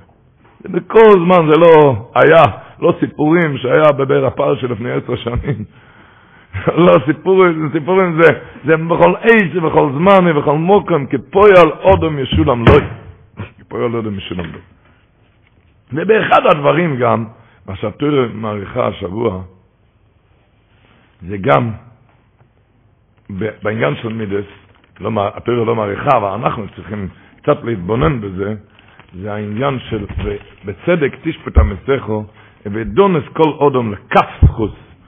לכף זכות, מישהו אמר פעם, מה זה כף זכות? יש מזלג, הציבור יודע מה זה מזלג. המזלג, אתה רוצה להוציא משהו מתוך הרבה, אתה דוחף את המזלג בבשר, והבשר נמצא בתוך צלחת מלאה. אני רוצה רק את הבשר, לוקח את המזלג לתוך הבשר. אז כשאתה לוקח כף, אתה לוקח עם הכף כל מה שנכנס בכף. אותו דבר, אל תסתכל לשני עם מזלג רק על החיסרון, תסתכל עליו עם הכף, כל המעלות גם שיש בו. אל תתבונן רק בחיסרון, רק במזלג. בכל הכף, וסתום את כל האודם לכף סחוס. תכניס גם את המעלות שיש לו. על הדברים האלו, הרי זה מעשים בכל יום. איזה רב חשוב אז בזמנו, אני זוכר, זה התפרסם מאוד, לפני, זה היה לפני עשר שנים, אולי יותר. זה התפרסם מאוד, אני יודע מי זה היה גם, שתי רבנים בארצות הברית. היה איזה רב, שחיתן באיזה יום שני בשבוע. ולמחרת, ביום שלישי, היה שבע ברוכס.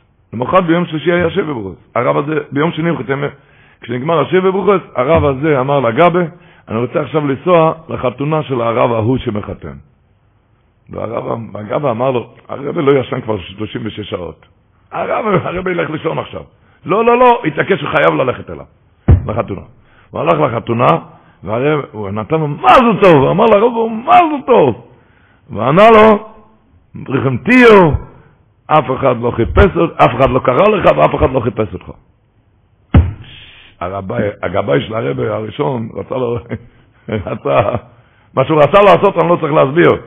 הוא הגיע כאן במסירות נפש אחרי לא לישון 36 שעות, וזה התגובה למזל טוב, אף אחד לא קרא לך ואף אחד לא חיפש אותך. בפני הרבי הוא לא רצה להגיד, אבל אחרי שיצאו, הוא אמר לרבה שלו, אגב, אמר, אמרתי לרבה שלו, צריכים לבוא, לכזה חוצפן היית צריך להגיע. ככה אומרים, זה המז, והרבה לא יודע מה הוא רוצה ממנו. מה הוא אמר? אמר, ככה, הרב לא שמע מה שהוא אמר?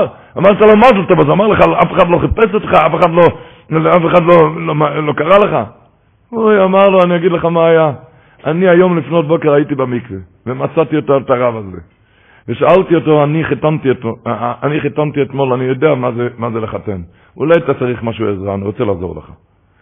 אומר לו, דבר אחד אתה יכול לעזור לי, אין לי פלאפון, אין לי סל, שם קראו לנו לזה סל בארצות הברית, אין לי פלאפון, זה היה בשביל מאוד חשוב. הוא נתתי לו את הפלאפון שלי, וביקשתי ממנו רק, אם מישהו מחפש אותי, אז תמסור לו את הטלפון שלי בבית. תמסור לי את המספר הטלפון. ואז הוא אמר לי עכשיו, שמעתי לו, מה זה טוב, אף אחד לא קרא לך, ואף אחד לא חיפש אותך. איי, איזה מריבות היה יכול להיות קצת בין הגבאים ובין, בין, בין, בין, איפה שהיה מגיע, השם ישמור. התר אומרת, ודונס כל אודם סחוס. היה פעם איזה רב גדול מפורסם מאוד בכל העולם כולו, שהוא כבר בשמיים. הוא אמר דרושה, הוא אמר דרושה, רב מאוד מפורסם. הוא אמר דרושה, בסוף העולם ישבו שתיים ופטפטו. הם דיברו ביניהם. דיברו, לא פטפטו, דיברו ביניהם, וזה מאוד הפריע לרב. אחרי הדרושה כולם הגיעו להגיד שכוח על הדרושה, איך שהדרושה היה נפלאה, והם גם ניגשו להגיד, אה, תודה רבה, איזה דרושה נפלאה. אז הרב שאל אותם, מה היה נפלא? מה היה נפלא? הרי דיברתם כל הזמן. על מה, על מה אתם יודעים? הרי שום מילה מהדברים שלי לא נכנס. מה נכנס לכם לאוזניים? אז הוא אמר לו, שההוא היה אמריקאי והוא לא הבין עברית. אז הוא הסביר לו, הוא ידע רק אנגלית. אז הוא אמר שהוא הסביר לו את כל השיעור, זה דיברו ביניהם. אז הרב אמר, אוי גוואלד. הרב הזה אחר כך סיפר את הסיפור הזה בשיעור הבא לתלמידים ואמר, תראו מה זה דון לכף זכות, עד היכן הדבורים מגיעים. עד היכן הדבורים מגיעים. אני יודע מכאן, מאחד מידידיי, אחד מידידיי, יהודי חשוב, מבוגר, הוא סיפר לי, וגם סיפר שהוא היה לפני כמה שנים, אינטרסנטי מה יעשה. הוא ישב באיזה בר מצווה, ויושב שם שולחן, שולחן מלא. והיה אחד שהוא עוד למד איתו בישיבה לפני 40 שנה. היה ידיד שלו. וההוא ישב מולו, והוא עם כולם דיבר חוץ ממנו. דיבר עם טוב, גם בדברי תוירה, גם בעניון דלמה, דיבר עם כולם, ואיתי הוא לא דיבר. ואמר לי, זה כל כך הרגיז אותי. ועוד פעם, מדבר עם כולם ואיתי לא. ואני הכרתי אותו גם בישיבה, בתור בעל מידות טובות. בתור בעל מידות טובות. אחרי שקמתי, ניגשתי אליו ושאלתי אותו בשקט באוזניים, יש לך איזה טענות עליי? מה קרה? למה כולם אתה מדבר ולא איתי? אז הוא אמר לי, הוא הוציא מהכיס, מה בוזעם, הוציא לו תעודת עיוור, שהוא לא רואה אנשים, הוא מדבר רק על פי זיהוי של הקולות, את כולם שמעתי, אותך לא. הוא ישב כמו כולם, לא רואים עליו שהוא עיוור. לא רואים עליו שהוא עיוור, הוא רק מזהה קולות. אז את מי שהוא שמע, אז הוא, אז הוא ידע שהוא נמצא, אז הוא דיבר איתו עוד פעם ועוד פעם, את מי שהוא שמע. את הקול שלך לא שמעתי, לא ידעתי שאתה נמצא בכלל. מה זה דון אודם לכף סחוס? דון אודם לכף סחוס זה בכל העניונים וכל המבונים. אתם יודעים, הבלזר הוא, זכרון לברוכה, היה אומר על הסבא שלו, רב שיהיה לבלזר, שהוא אהב מאוד את דרך הפלפול בתורה. ידוע שהוא אהב מאוד את דרך הפלפול. כשיצא ספר חידושי הרי"ם, אז שיש בזה הרבה חידושים בדרך הפלפול, הוא ציווה לנכדים לקנות את החידושי הרי"ם. אז אמר שרב בלזר אמר שהוא אוהב מאוד את דרך הפלפול בתורה, למה? כי לפעמים ללמד זכות על יהודי צריכים, אי אפשר, זה קשה, אבל בדרך הפלפול אפשר ללמוד עליו זכות. איך אומרים, רמב"ם קשה, אתה יכול עם פלפול, יושב יהודי קשה גם עם פלפול. זה פלפול, אתה יודע איזה פלפול, תיישב אותו. אומרים שרב ארזי קלקלבר אמר שדום אסכול או אודום לקו זכוס זה גימטריה שמע ישראל השם אלוקינו השם אחד. למה? כי כמו שעל זה צריך מסירות נפש, הרי כתוב לקבל מסירות נפש, השם אחד. אותו דבר על זה גם צריך מסירות נפש, דרך הפלפול, תעשה פלפול. ומי מדבר, מה שכתוב באספסמת, זה פשוט פשט, אומר על המשנה, עכשיו פשוט פשט, אומר על המשנה, על תודון את חברך עד שתגיע למקוימוי. הוא אומר אספסמס, מה פירוש אל תדון אותו עד שתגיע למקומו, מה פירוש למקומו? כלומר, זה הראשון של אספסמס, כלומר, ולמקוים חברך אי אפשר להגיע לאוילום, לאוילום, כי לא, מה פירוש? כי לא כל דרס בני אודם שובויס ולכן אל תודן לחברך כלל. אתה אף פעם לא תוכל להיכנס למצב שלו בעניות, במצב שלו שלום בית, במה שעובר עליו, בתכונות הקשות שלו, אף פעם אל תדון אותו, אתה לא יודע, אתה לא יכול להיכנס לנעליים שלו, אף פעם לא תוכל להיכנס לנעליים שלו. וממילא תפסיק לדון אותו. זה מצד, מצד תכונות נפשו, מצד משפחתו, מצד סביבתו, אתה לא יודע, אל את חבר הזה, אף פעם, לא- הפשט בשפת שמש, אף פעם זה לא יקרה, אתה לא תגיע למקום שלו. לא תגיע למקום שלו. אוי, עד שתגיע למקום הזה.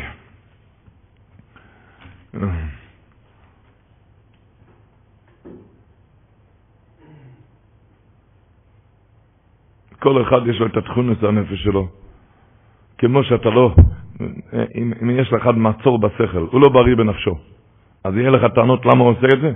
לא. למה לא יהיה לך טענות? כי אתה יודע שדעתו משובשת עליו. אז אתה רואה, בחבר אתה לא יודע איזה מעצור יש לו, איזה מעצור, מעצור בתכונת, בתכונות נפשו. אתה לא יודע את המעצורים שלו בתכונות נפשו, אתה לא יכול, אתה לא יכול לדון אותו. למקומו לעולם לא תגיע, אתה לא תגיע לתכונות הנפש שלו, לכאבים שעוברים עליו, וזה לא הוא צועק, הכאבים האלו צועקים את זה. המצב הנפשי שלו צועק כאן. אז מה, מה יש לך לדון אותו? זה המצב הנפשי הזה צועק, מה, מה יש לך לדון אותו? כשאחד משובש בנפשו, אתה, אתה, אתה, תבין אותו? למה כאן שלא תבין את זה? זה המצב בתכונת הנפש שלו.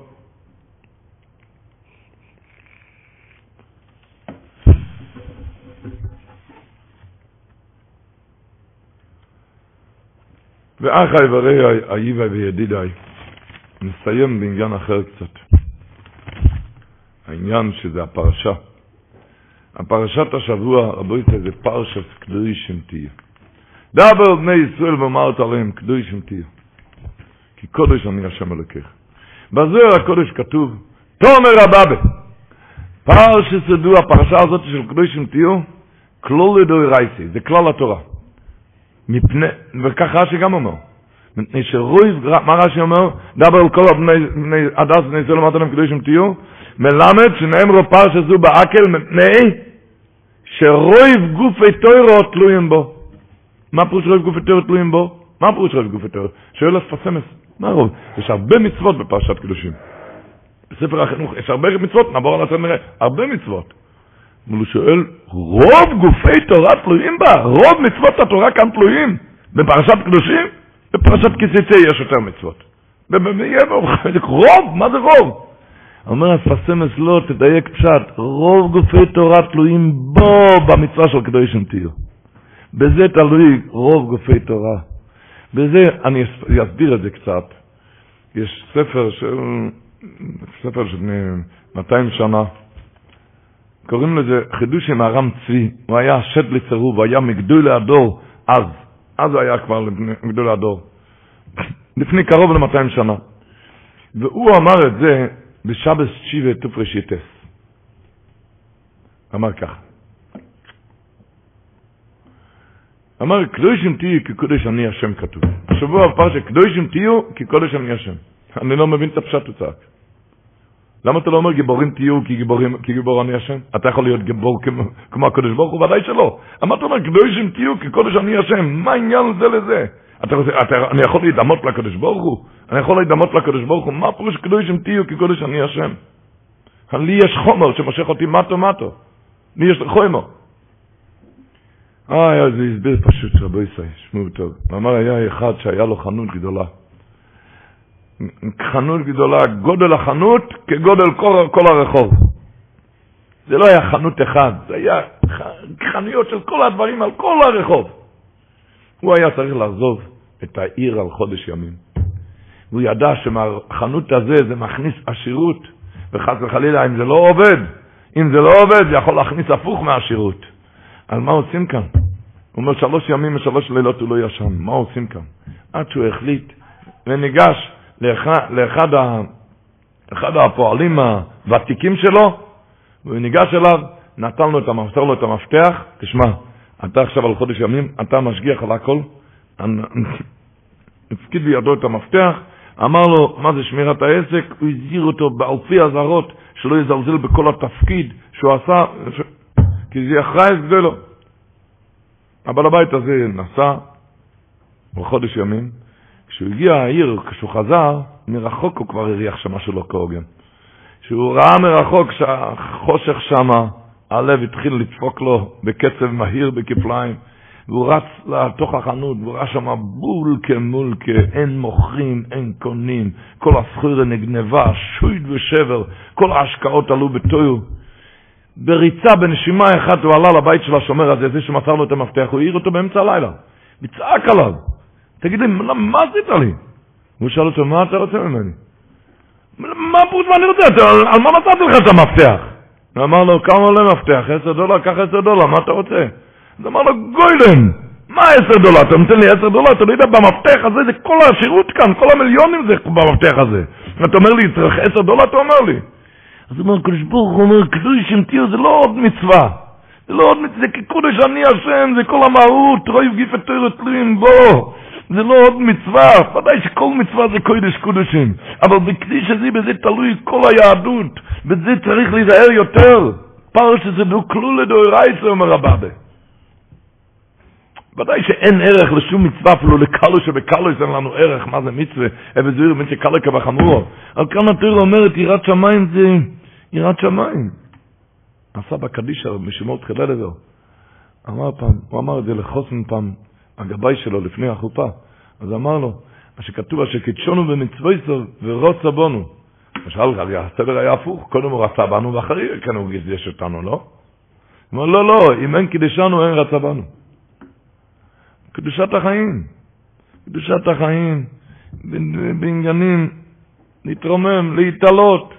איך היה כאן, הוא היה אומר, ג'ימי גרדו, היה אומר שכולם יודעים שיש ל"ו צדיקים נסתרים. ודאי. אבל יש טעות אחת, שחושבים שהם קבועים, על ל"ו צדיקים נסתרים קבועים, הם מתחילים לחפש אותם באשקלון בדימונה, ביפון ביפו. ולא יודעים, לא, צדיק נסתר נראה, נקרא מי שעובד בדברים שבסתר, שרק השם יודע. מי שעובד בדברים שבסתר, אתה ל"ו, ואחרת ל"ז. אז ממילא, אז זה לא קבוע.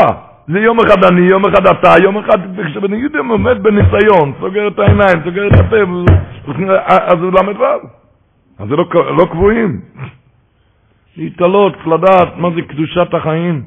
האור החיים אומר פרשת השבוע, מירו דגזך, שלמה רק במצווה הזאת כתוב דבר על כל הדס בני ישראל. כל הדס בני ישראל אמרת להם קדושים תהיו. אז הוא מסביר ככה, הגמור אומרת בקידושין המטס. יושב אודם ולא יאבר אבירה, נותנים לו שכר כעושה מצווה. אחד מתאפק מעבירה. הגמור אומרת, אם בד, רק אם בא דבר עבירה לידו. אחד שבא דבר עבירה לידו, והוא יתאפק ולא עשה את העבירה, נקבל שכר כמו עושה מצווה. איזה מצווה? איזה, מה מצווה? אומר אור החיים, אתה יודע מה מצווה? קדושים תהיו. קדושים תהיו זה בא להגיד שבבת בר עבר לידו והוא מתרחק מלעשות אותה, אז הוא מקיים את המצווה של קדושים תהיו. סוגר את העיניים, קדושים תהיו. בזה מכם, עכשיו אומר אור החיים, למה התורה קוראת, הוציאה את זה בזיכרון מצווה זו בלשון של קדושים? למה קוראים לזה קדושים? אומר לומר שכל המקיים מצווה זו נקרא קודש. וכשאתה בורח מעבירה, תדע לך שאתה קדוש. בא בן אדם וחושב, קדוש, על מי אומרים קדוש? לרבה בגיל 99. אני קדוש? אני בחור, אברך. אז לכן התורה היא המצווה היחידה שהתורה אמרה דבר אל כל הדת מישראל, כל אחד, קטן כגדול, חלש כגיבור. בכל, אם אתה בורח מן האווירה, כל דוי שאומר לו. הלשון של אור החיים. ולטעם זה תגדק לומר על כל הדת מישראל. לומר, כי מצווה זו קדושים תהיו, היא מצווה שישנו בכל אדם. שכל איש ישראל בקיימו עם מצווה זו, קודש יאמר לוי, ואין הדרוגה בישראל שתהיה נמנעת מהסוג הזה. אין שום מדרגה, אפילו אם אתה בשאול תחתית, אם אתה עכשיו מתגבר על יצרך, אתה קדוש, קודש יאמר לוי. אין הדרוגה בישראל שתהיה נמנעת, כל אחד ואחד. זה הוא אומר בפרשת קדושים, ובפרשת אחרי הוא אומר, שכתוב שם, דבר על כל, כשהתורה אומרת, כמסה ארץ מצרים וכמסה ארץ כנען לא יסתסו, התורה מדברת שם על לא לעבור אווירס, אז מתחיל שם דבר על בני ישראל ואמרת עליהם, אני השם אלוקיכם. מסביר שם האור חיים, למה הוא מדביר, מקדים אני השם אלוקיכם? למה? אומר, כשמגיע יצר אורי ומשתולל, נראה לבן אדם, איך אני יכול להתגבר עליו? איך, איך? אומר, אני השם אלוקיכם. אתה, אם זה היה גוי, הוא באמת לא יכול, אבל אני גוד שלך. וממילא היות שאני השם אלוקיכם, אז אני אתן לך את הכוח. תתחיל, תתחיל, תתגבר. אני אגיד את הלשון שלו קצת. הוא אומר, הנה, או עוד אין השם צבוקוס, נשחקם בצבויסם מצווה זו ודיבר נגד יצר אורי. שיאמר, הבן אדם יאמר, איך יכול אנוש טבעי למשול בתאווסו, אשר אי אנסתי? איך אני יכול למשול על הטייבה? דבר זה הוא מושלל מהדעת, שיחייב השם שמירוסה לכל, בהשווי, לכולם שווים בזה. ולצד שיאמר האדם, כי אין מעצור ברוחו בדבר זה, הוא לא יכול לעצור ברוחו. לכן הקדים השם בתחילה דבורוי הטויב, ואומר דבר על בני ישראל ואמרת להם אני השם אלוהיכם. מה הפירוש? כי אין אמס.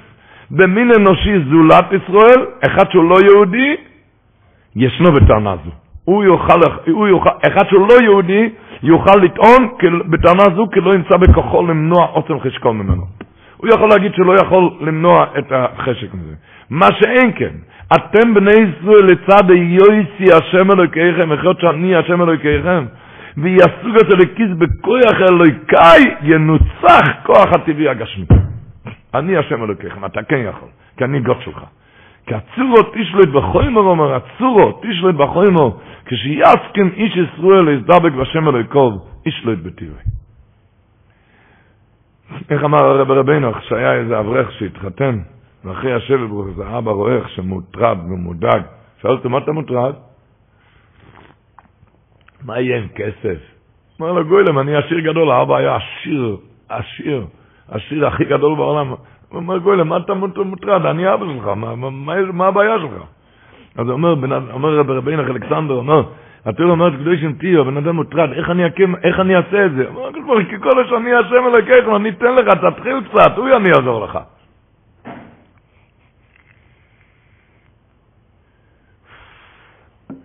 אומר רבי סברום, אומר שבהתחלת הפרשה כתוב, קדושים תהיו, ואחר כך כתוב את העניון הרייס, כל כל העניון הרייס, ואחר כך כתוב עוד הפעם וייסם לקדושים. אומר רבי סברום מותר אומר מבקש ממך קדושים תהיו, ואפילו אם נפלת, נפלת, אני מדבר אליך עוד הפעם וייסם לקדושים, בוא תחזור. אף פעם לא מאוחר, אני מחכה עליך. קדושים תהיו, כי קודש אני השם אלוקיכם, רש"י אומר, יוכל כמוני, תלמוד לא יאמר כי קודש אני, יכול כמוני? תלמד לא יאמר, כי קודש אני השם אלוקיכם, קדישוסי למעלה מקדשסכם. דרך אגב, היה קודש קודשים בירושלים, שקראו לו רב שלום קזווילר, נפטר לפני 86 שנה. לפני 76 שנה, טוב שני. מסופר שרב חיים שלוויץ אמר פעם בשיעור, שכתוב כאן ברש"י, יוכל, רב חיים שלוויץ היה בשכנותו, ישיבת מיר היה על יד הדירה של רב שלום קזווילר. רב שלמה ככה אמר פעם רב חיים שולביץ. אמר שכולם שואלים מה פירוש באב אמינא של להגיד, יוכל כמוני? מה היית חושב כמו הקדוש ברוך הוא כל כך קדוש? היה לך אב אמינא שאתה צריכה להגיד, אתה לא עם הקדושים תהי, כדי שיוציא למעלה מקדש אסכם. היה לך אב אמינא כמוני? הרב חיים אמר פעם באמצע השיעור, מי שמכיר את רב שלוימר שגר למטה, מבין את האב אמינא של הגימורה. ככה אמר. הקודש הקדושים, רב שלום כזבילו.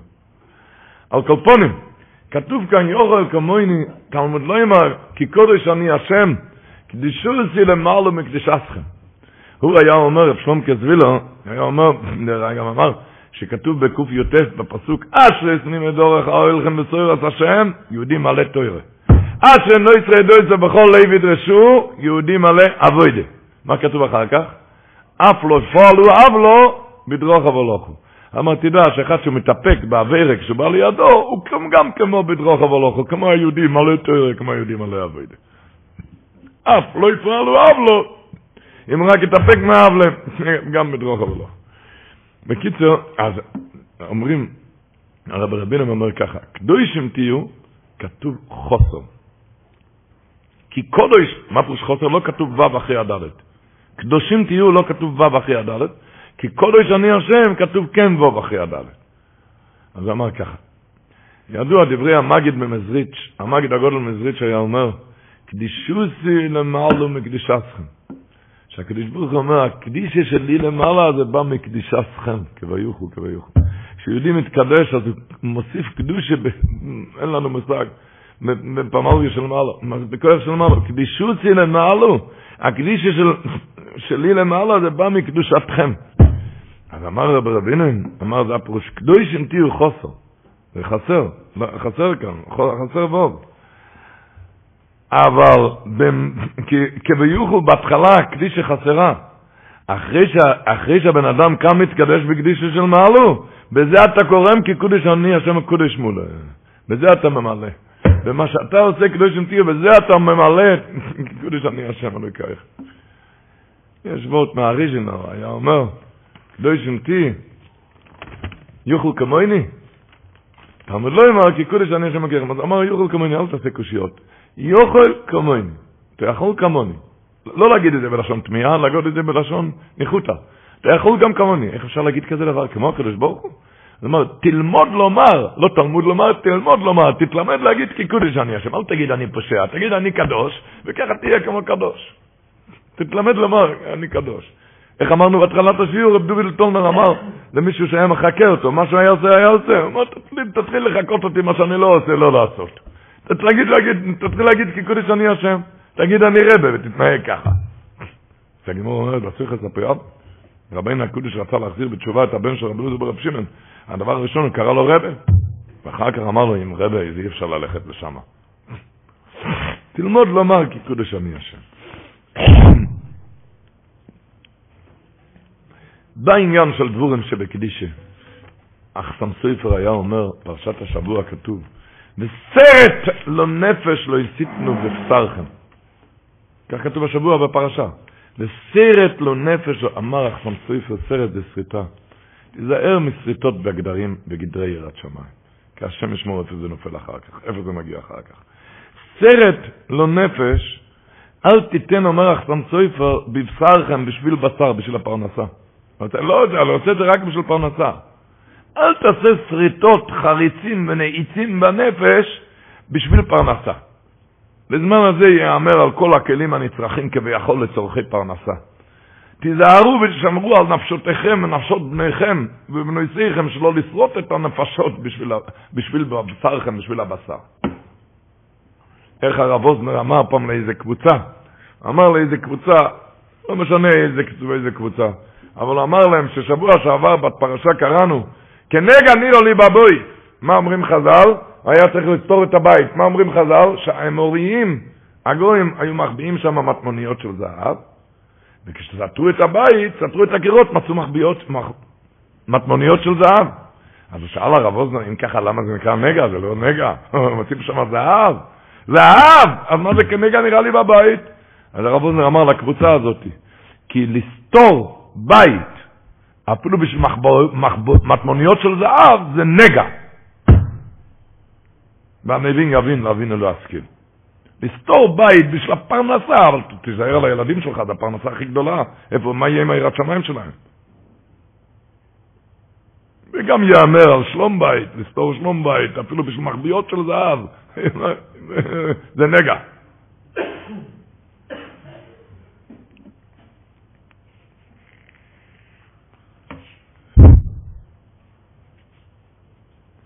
ידוע, פרשת קדושים, ידוע מה שהמדרש אומר. מה המדרש אומר השבוע?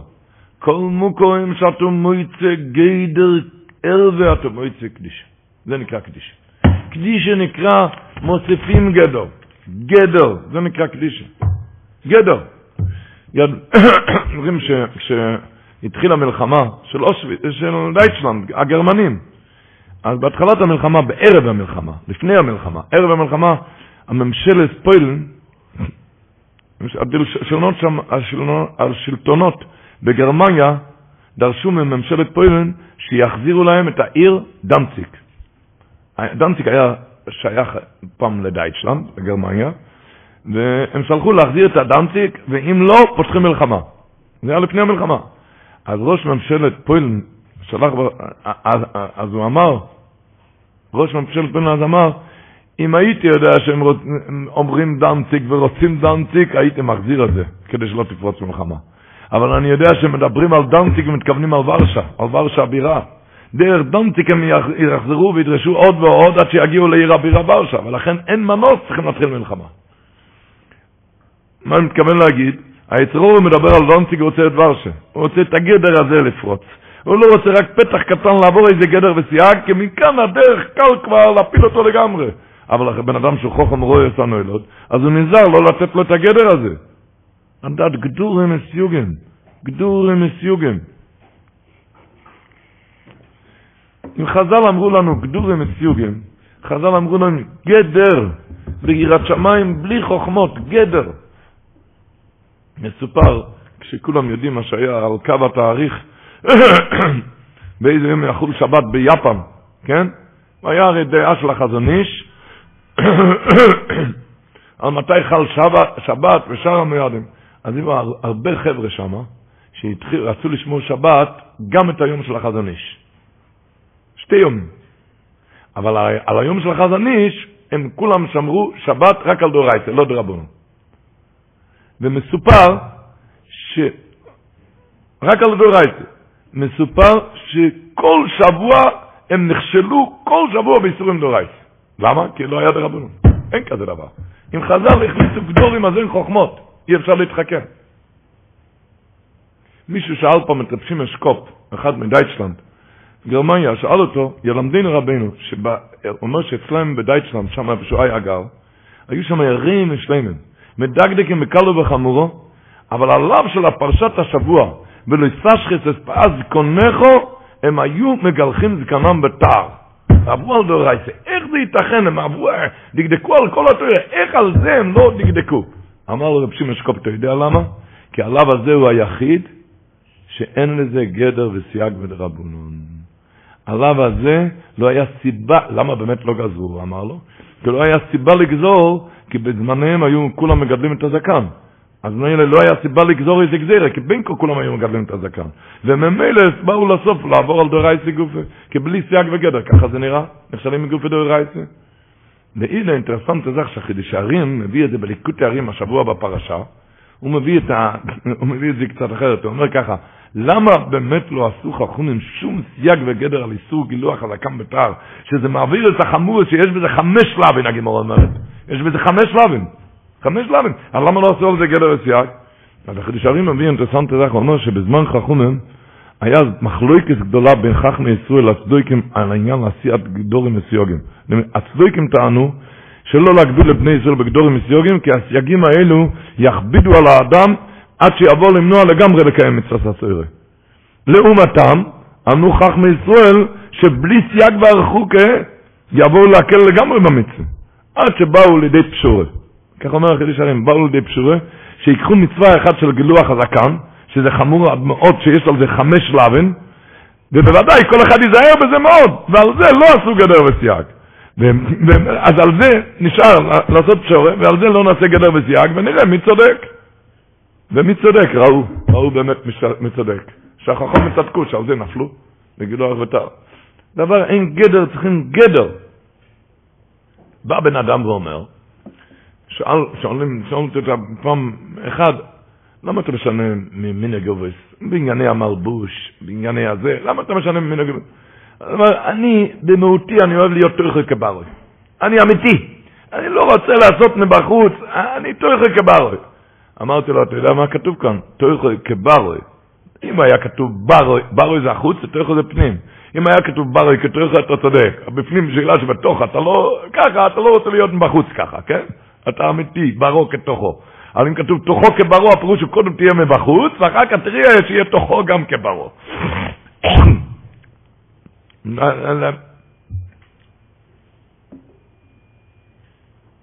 לדעת בסרט לא נפש, לסיתנו בבשרכם.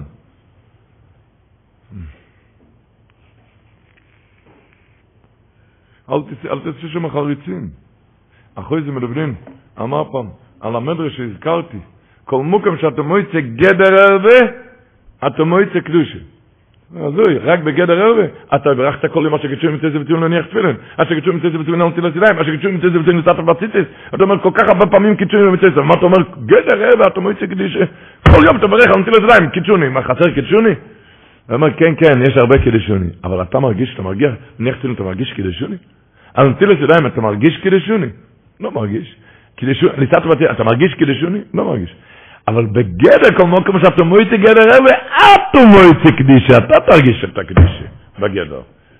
גדר ביראת שמיים, קדושים תהיו, כי קודש אני השם. זה כלל לדאורייסה, זה כלל כל התירי כולו. כלל כל התירי כולו. נו, אז כולנו בחזרה, לא בחזרה, אבל כל, תמיד, תמיד, תמיד יש לבן אדם להשתפר. איך הצאן זרוב אמר פעם על דברי חיים, מצאן היה הנכד שלו, הקשנובו, הגיע מהשוור שלו, הוא הגיע לדברי חיים, הוא עמד בחדר הגבאים ואמר שם התרס שהוא שמע מהשוור. הדברי חיים פתח את הדלת, שהוא שאל, מה, מה, מה, מה מדברים כאן? אז אמרו, אומר, תר, אמר, הוא שומר תרס ששמע מהשוור. אמר, אני אגיד לך תרא. תרא, כתוב בפוסיק, אש תומי תיקד על המזבח, לא יציח בי. אש זה אש, תומי זה תמיד. תוגד שידלוק ויבעור על המזבח זה על הלב, מקום זריחתו, לא תכבה שזה לא יכבה אפילו אחרי העבירה הכי גדולה. שלא יכבה האש, מעכשיו והלאה, קדושים תהיו, קדושים תהיו זה נצחי, ויישם לקדושים, אדרבה, מעכשיו, מתחילים מעכשיו, מתחזקים. לא יצריך בשלא יכבה אפילו אחרי העבירה הכי גדולה, אפשר להגיד אפילו בגיל הכי מבוגר. אה? במסכת הסגרם כתוב שהקדוש ציווה לאברום אבינו למול בגיל 99, למה? להראות לך שאפילו בגיל 99 בוא תחזור. אבל הבעיה היום של האברכים שמרגישים גיל 100, לא, לא 99. אז בכל גיל וגיל, לא יסיך אפילו אחרי העברה הכי גדולה, תמיד דבר, קדושים תהיו. א' שמחה מביא שיש איזה מדרש בפרשת בהר, וזה גם ירושלמי בשוויס, שהיו שתי המרואים, במקום אחד כתוב רבי יוחנן מרש לוקיש, שתי המרואים נכנסו לחמת טבריה להתרחץ, וכשהם נכנסו ניגש איזה עני וביקש מהם, תיתנו לי צדקה, רוצה לאכול משהו. אז הם אמרו שאנחנו נצא, נתרחץ, נצא, אנחנו ניתן לך. כשאנחנו נצא, ניתן לך. וכשהם יצאו, הם עשו אותו, שרו על הרצפה מת. אמר רבי יוחנן שלוקיש, אחד אמר לשני, לא זכינו לטפל בו בחייו, בוא נזכה לטפל בו במיטתו, בוא נתחיל לעשות טהרה. התחילו לעשות טהרה, מצאו על הצוואר קדיליה, מה זה קדיליה? שרשרת, עם 600 דינרי זהב. מי שיודע, לשון חז"ל, דינר זהב זה המון, היה 600 דינרי זהב זה כמה מיליונים. אמר לשמחה, כל אחד מאיתנו, כל אחד מאיתנו, אם היה מבקש את זה, אני אתן לי כסף, אני אגיד לו, לא, כשאני אגמור את החמץ טבריה, אגמור להתרחץ, אני אצא אליך, אני אתן לך. ואני מוצא החוצה, אני מוצא אותו מת. מה, כל אחד היה חושב עכשיו להתחיל לעשות טהרה? הוא היה דופק עכשיו על חטא כל החיים, היה מתחרט עכשיו, היה עכשיו עצוב כל החיים, הייתי יכול להציל אותו, לקיים קצת זרקה, תציל ממוות, ותראה מה שאני גרמתי. תראה מה אני גרמתי שהוא ימות, היה בוכה עכשיו כל החיים. לאחד היה מתבונן להתחיל עכשיו לעשות טהרה. היה צריך לבכות עכשיו על חטא כל החיים. לא כך דרכם של תנועים. מה דרכם של תנועים? לא חושבים על העבר, מעכשיו, קדימה, מה עכשיו צריך לעשות? עכשיו תארה, בוא נעשה תארה. מה היה הסוף של כזה התנהגות? שראו שאין על מה לבכות, מצאו את השרשרת עם 600 דינרי זהב. לא משנה באיזה גיל אתה ולא משנה מה שעברת. ברוך מדברת לך פרשת השבוע, קדושים תהיו, כי קדוש אני השם אלוקיך. מעכשיו. ונסיים בסיפור, שסיפרנו את זה כבר, אבל בפרשת גלושים חייבים לספר כזה סיפור. יש, הסיפור הזה מספר רב מוישה בלוי, המחנך הגדול, וגם ידוע ומפורסם, שהוא יודע הרבה הרבה בחוכמת הנפש, פסיכולוג בלעז. הוא מספר סיפור שהיה לו עם קדוש ישראל הסטייפלו. הסטייפלו נפטר בשנת תשמ"ה בחודש אוב, הסיפור הזה היה בטייבס תשמ"ה חצי, חצי שנה לפני שהסטייפלו נפטר. הוא אומר שהסטייפלו, שלרב משה בלוי היה איזה חבריסי כל ליל שישי למד איתו. והיה איזה ליל שישי שהוא הגיע, החבריסי ורואה, הבחור לא פה. הוא משהו, הוא לא בסדר, משהו לא הולך. היה בחור נחמד, בחור גשמקר, וגורני, שהוא לא, הוא לא פה. שאל אותו, מה קרה לך? אתה לא תוכל לעזור לי. מה קרה לך? לא תוכל לעזור לי, והיה ממועד. עד שהוא התחיל בחוכמתו קצת לוותר, והוא אמר לו, אמר לרב משה בלוי, שנסע היום באוטובוס לתל אביב, היה צריך רופא שיניים, ונסע לתל אביב באוטובוס, ועל הדרך הוא נכשל בשמירת עיניים, וכולי וכולי. אתה תוכל לעזור לי? בקיצור, משה לא ראה את התמונה, השעון היה 11 ורבע, הסטייפלר קיבל קהל עד 11.30, הוא רץ מיד לרחוב רשב"ם, רשם את השם שלו על הדלת, כמה שצריך להיכנס, אחר כך לקח את הבחור באוזניים, לקח אותו לכל רחוב רשב"ם מיד, והכניס אותו לחדר של הסטייפלר דקה לפני 11 וחצי. כידוע, הסטייפלר לא שמע, היו צריכים לכתוב לו כל דבר. הבחור כתב לסטייפלר ככה, אני בחור בגיל 19, מראש חודש אלול ואילך קיבלתי על עצמי שמירת עיניים ושמרתי על העיניים. היום נסעתי באוטובוס לתל אביב ונכשלתי בציר, בצורו נוירו וכו', ואני אונו אני בו. ואני אונו אני בו, והוא חתם את השם שלו ושם של האימא שלו. מה, הסטייפלר קרא את המכתב, אני בחור בן 19, שונו, שם את הדף על השולחן והרים את העיניים על הבחור. הוא שאל לבחור, צעק לו, תאמר לי, תאמר לי, כשהיית על האוטובוס, פעם אחת שמרת על העיניים? פעם אחת שמרת עליהם? הבחור כתב לו בחזרה, המצב רע ומר. הסטייפלר צעק עליו עוד הפעם, אני שאלתי אותך משהו, שאלתי אותך משהו, פעם אחת שמרת על העיניים? אז הבחור עשה לו ככה עם הראש, כן. הרי לא יכלו לדבר עליו, הוא לא שמע. עשה לו, עשה לו עם הראש, כאילו, אומר כן. התחיל הסטייפלר, משה בלוי רשם כל מילה. התחיל ואמר, צעק לו ככה. אינני מגזים, אינני משקר. לא מגזים ולא משקר. אילו היה בכוחי, הייתי קם לפניך מלואי קוימוסי. הייתי קם לפניך... פעם אחת שפכת דם, שמרת על העיניים? פעם אחת שפכת דם? אילו היה בכוחי, אם היה לי בכוחי, הייתי קם לפניך מלוא קומתי. לפי הערכתי, הוא אמר, ערך נסיעה מפה לתל אביב 35 דקות. ככה היה, 35 דקות. כל פעם שהתגברת, קיימת מצווה, ואהבת את השם אלוקיך בכל לבבך בשני יצוריך, קיימת ויורסום אלוקיך, קיימת ונקדשתי בסויך בני ישראל. כל פעם שהתגברת, קיימת את השלוש מצוות בכל לבבך, בכל לבבך בשני יצוריך, ויורסום אלוקיך ונקדשתי בסויך בני ישראל. אחר כך המשיך ואמר, אמנון, בכל פעם שנכשלת, תעונש. אבל בכל פעם שאינכו מסגבר על יצרכו, אינכו מתקנס האובר, יסבוס באינסטי, אז מה אתה בוכה? בכל פעם שאתה נכשלת תעשן, תענש, אבל כל פעם שאתה מתגבר, אתה מתקן את העבר עם הקדושים תהיו. אז מה אתה בוכה? עם המילים הבאות עכשיו, בזה הוא העיף אותו מהחדר, את הבחור. צעק לו ככה, דע! כי בכל פעם שאתה מתגבר על יצרך בעניין קדושה ושמירת עיניים, אתה במדרגת יוסף הצדיק, ממש, ממש, ממש, לא תיאוריה ולא כאילו.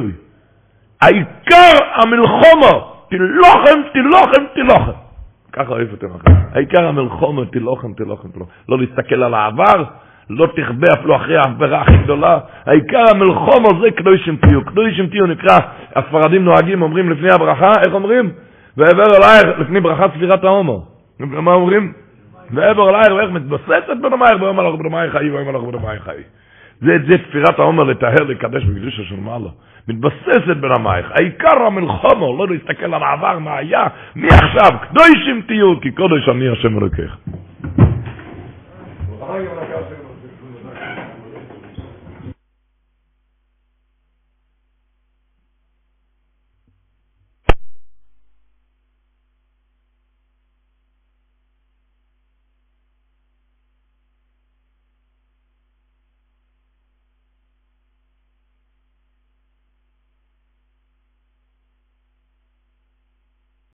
Lucky Land Casino asking people what's the weirdest place you've gotten lucky? Lucky? In line at the deli, I guess? Aha, in my dentist's office.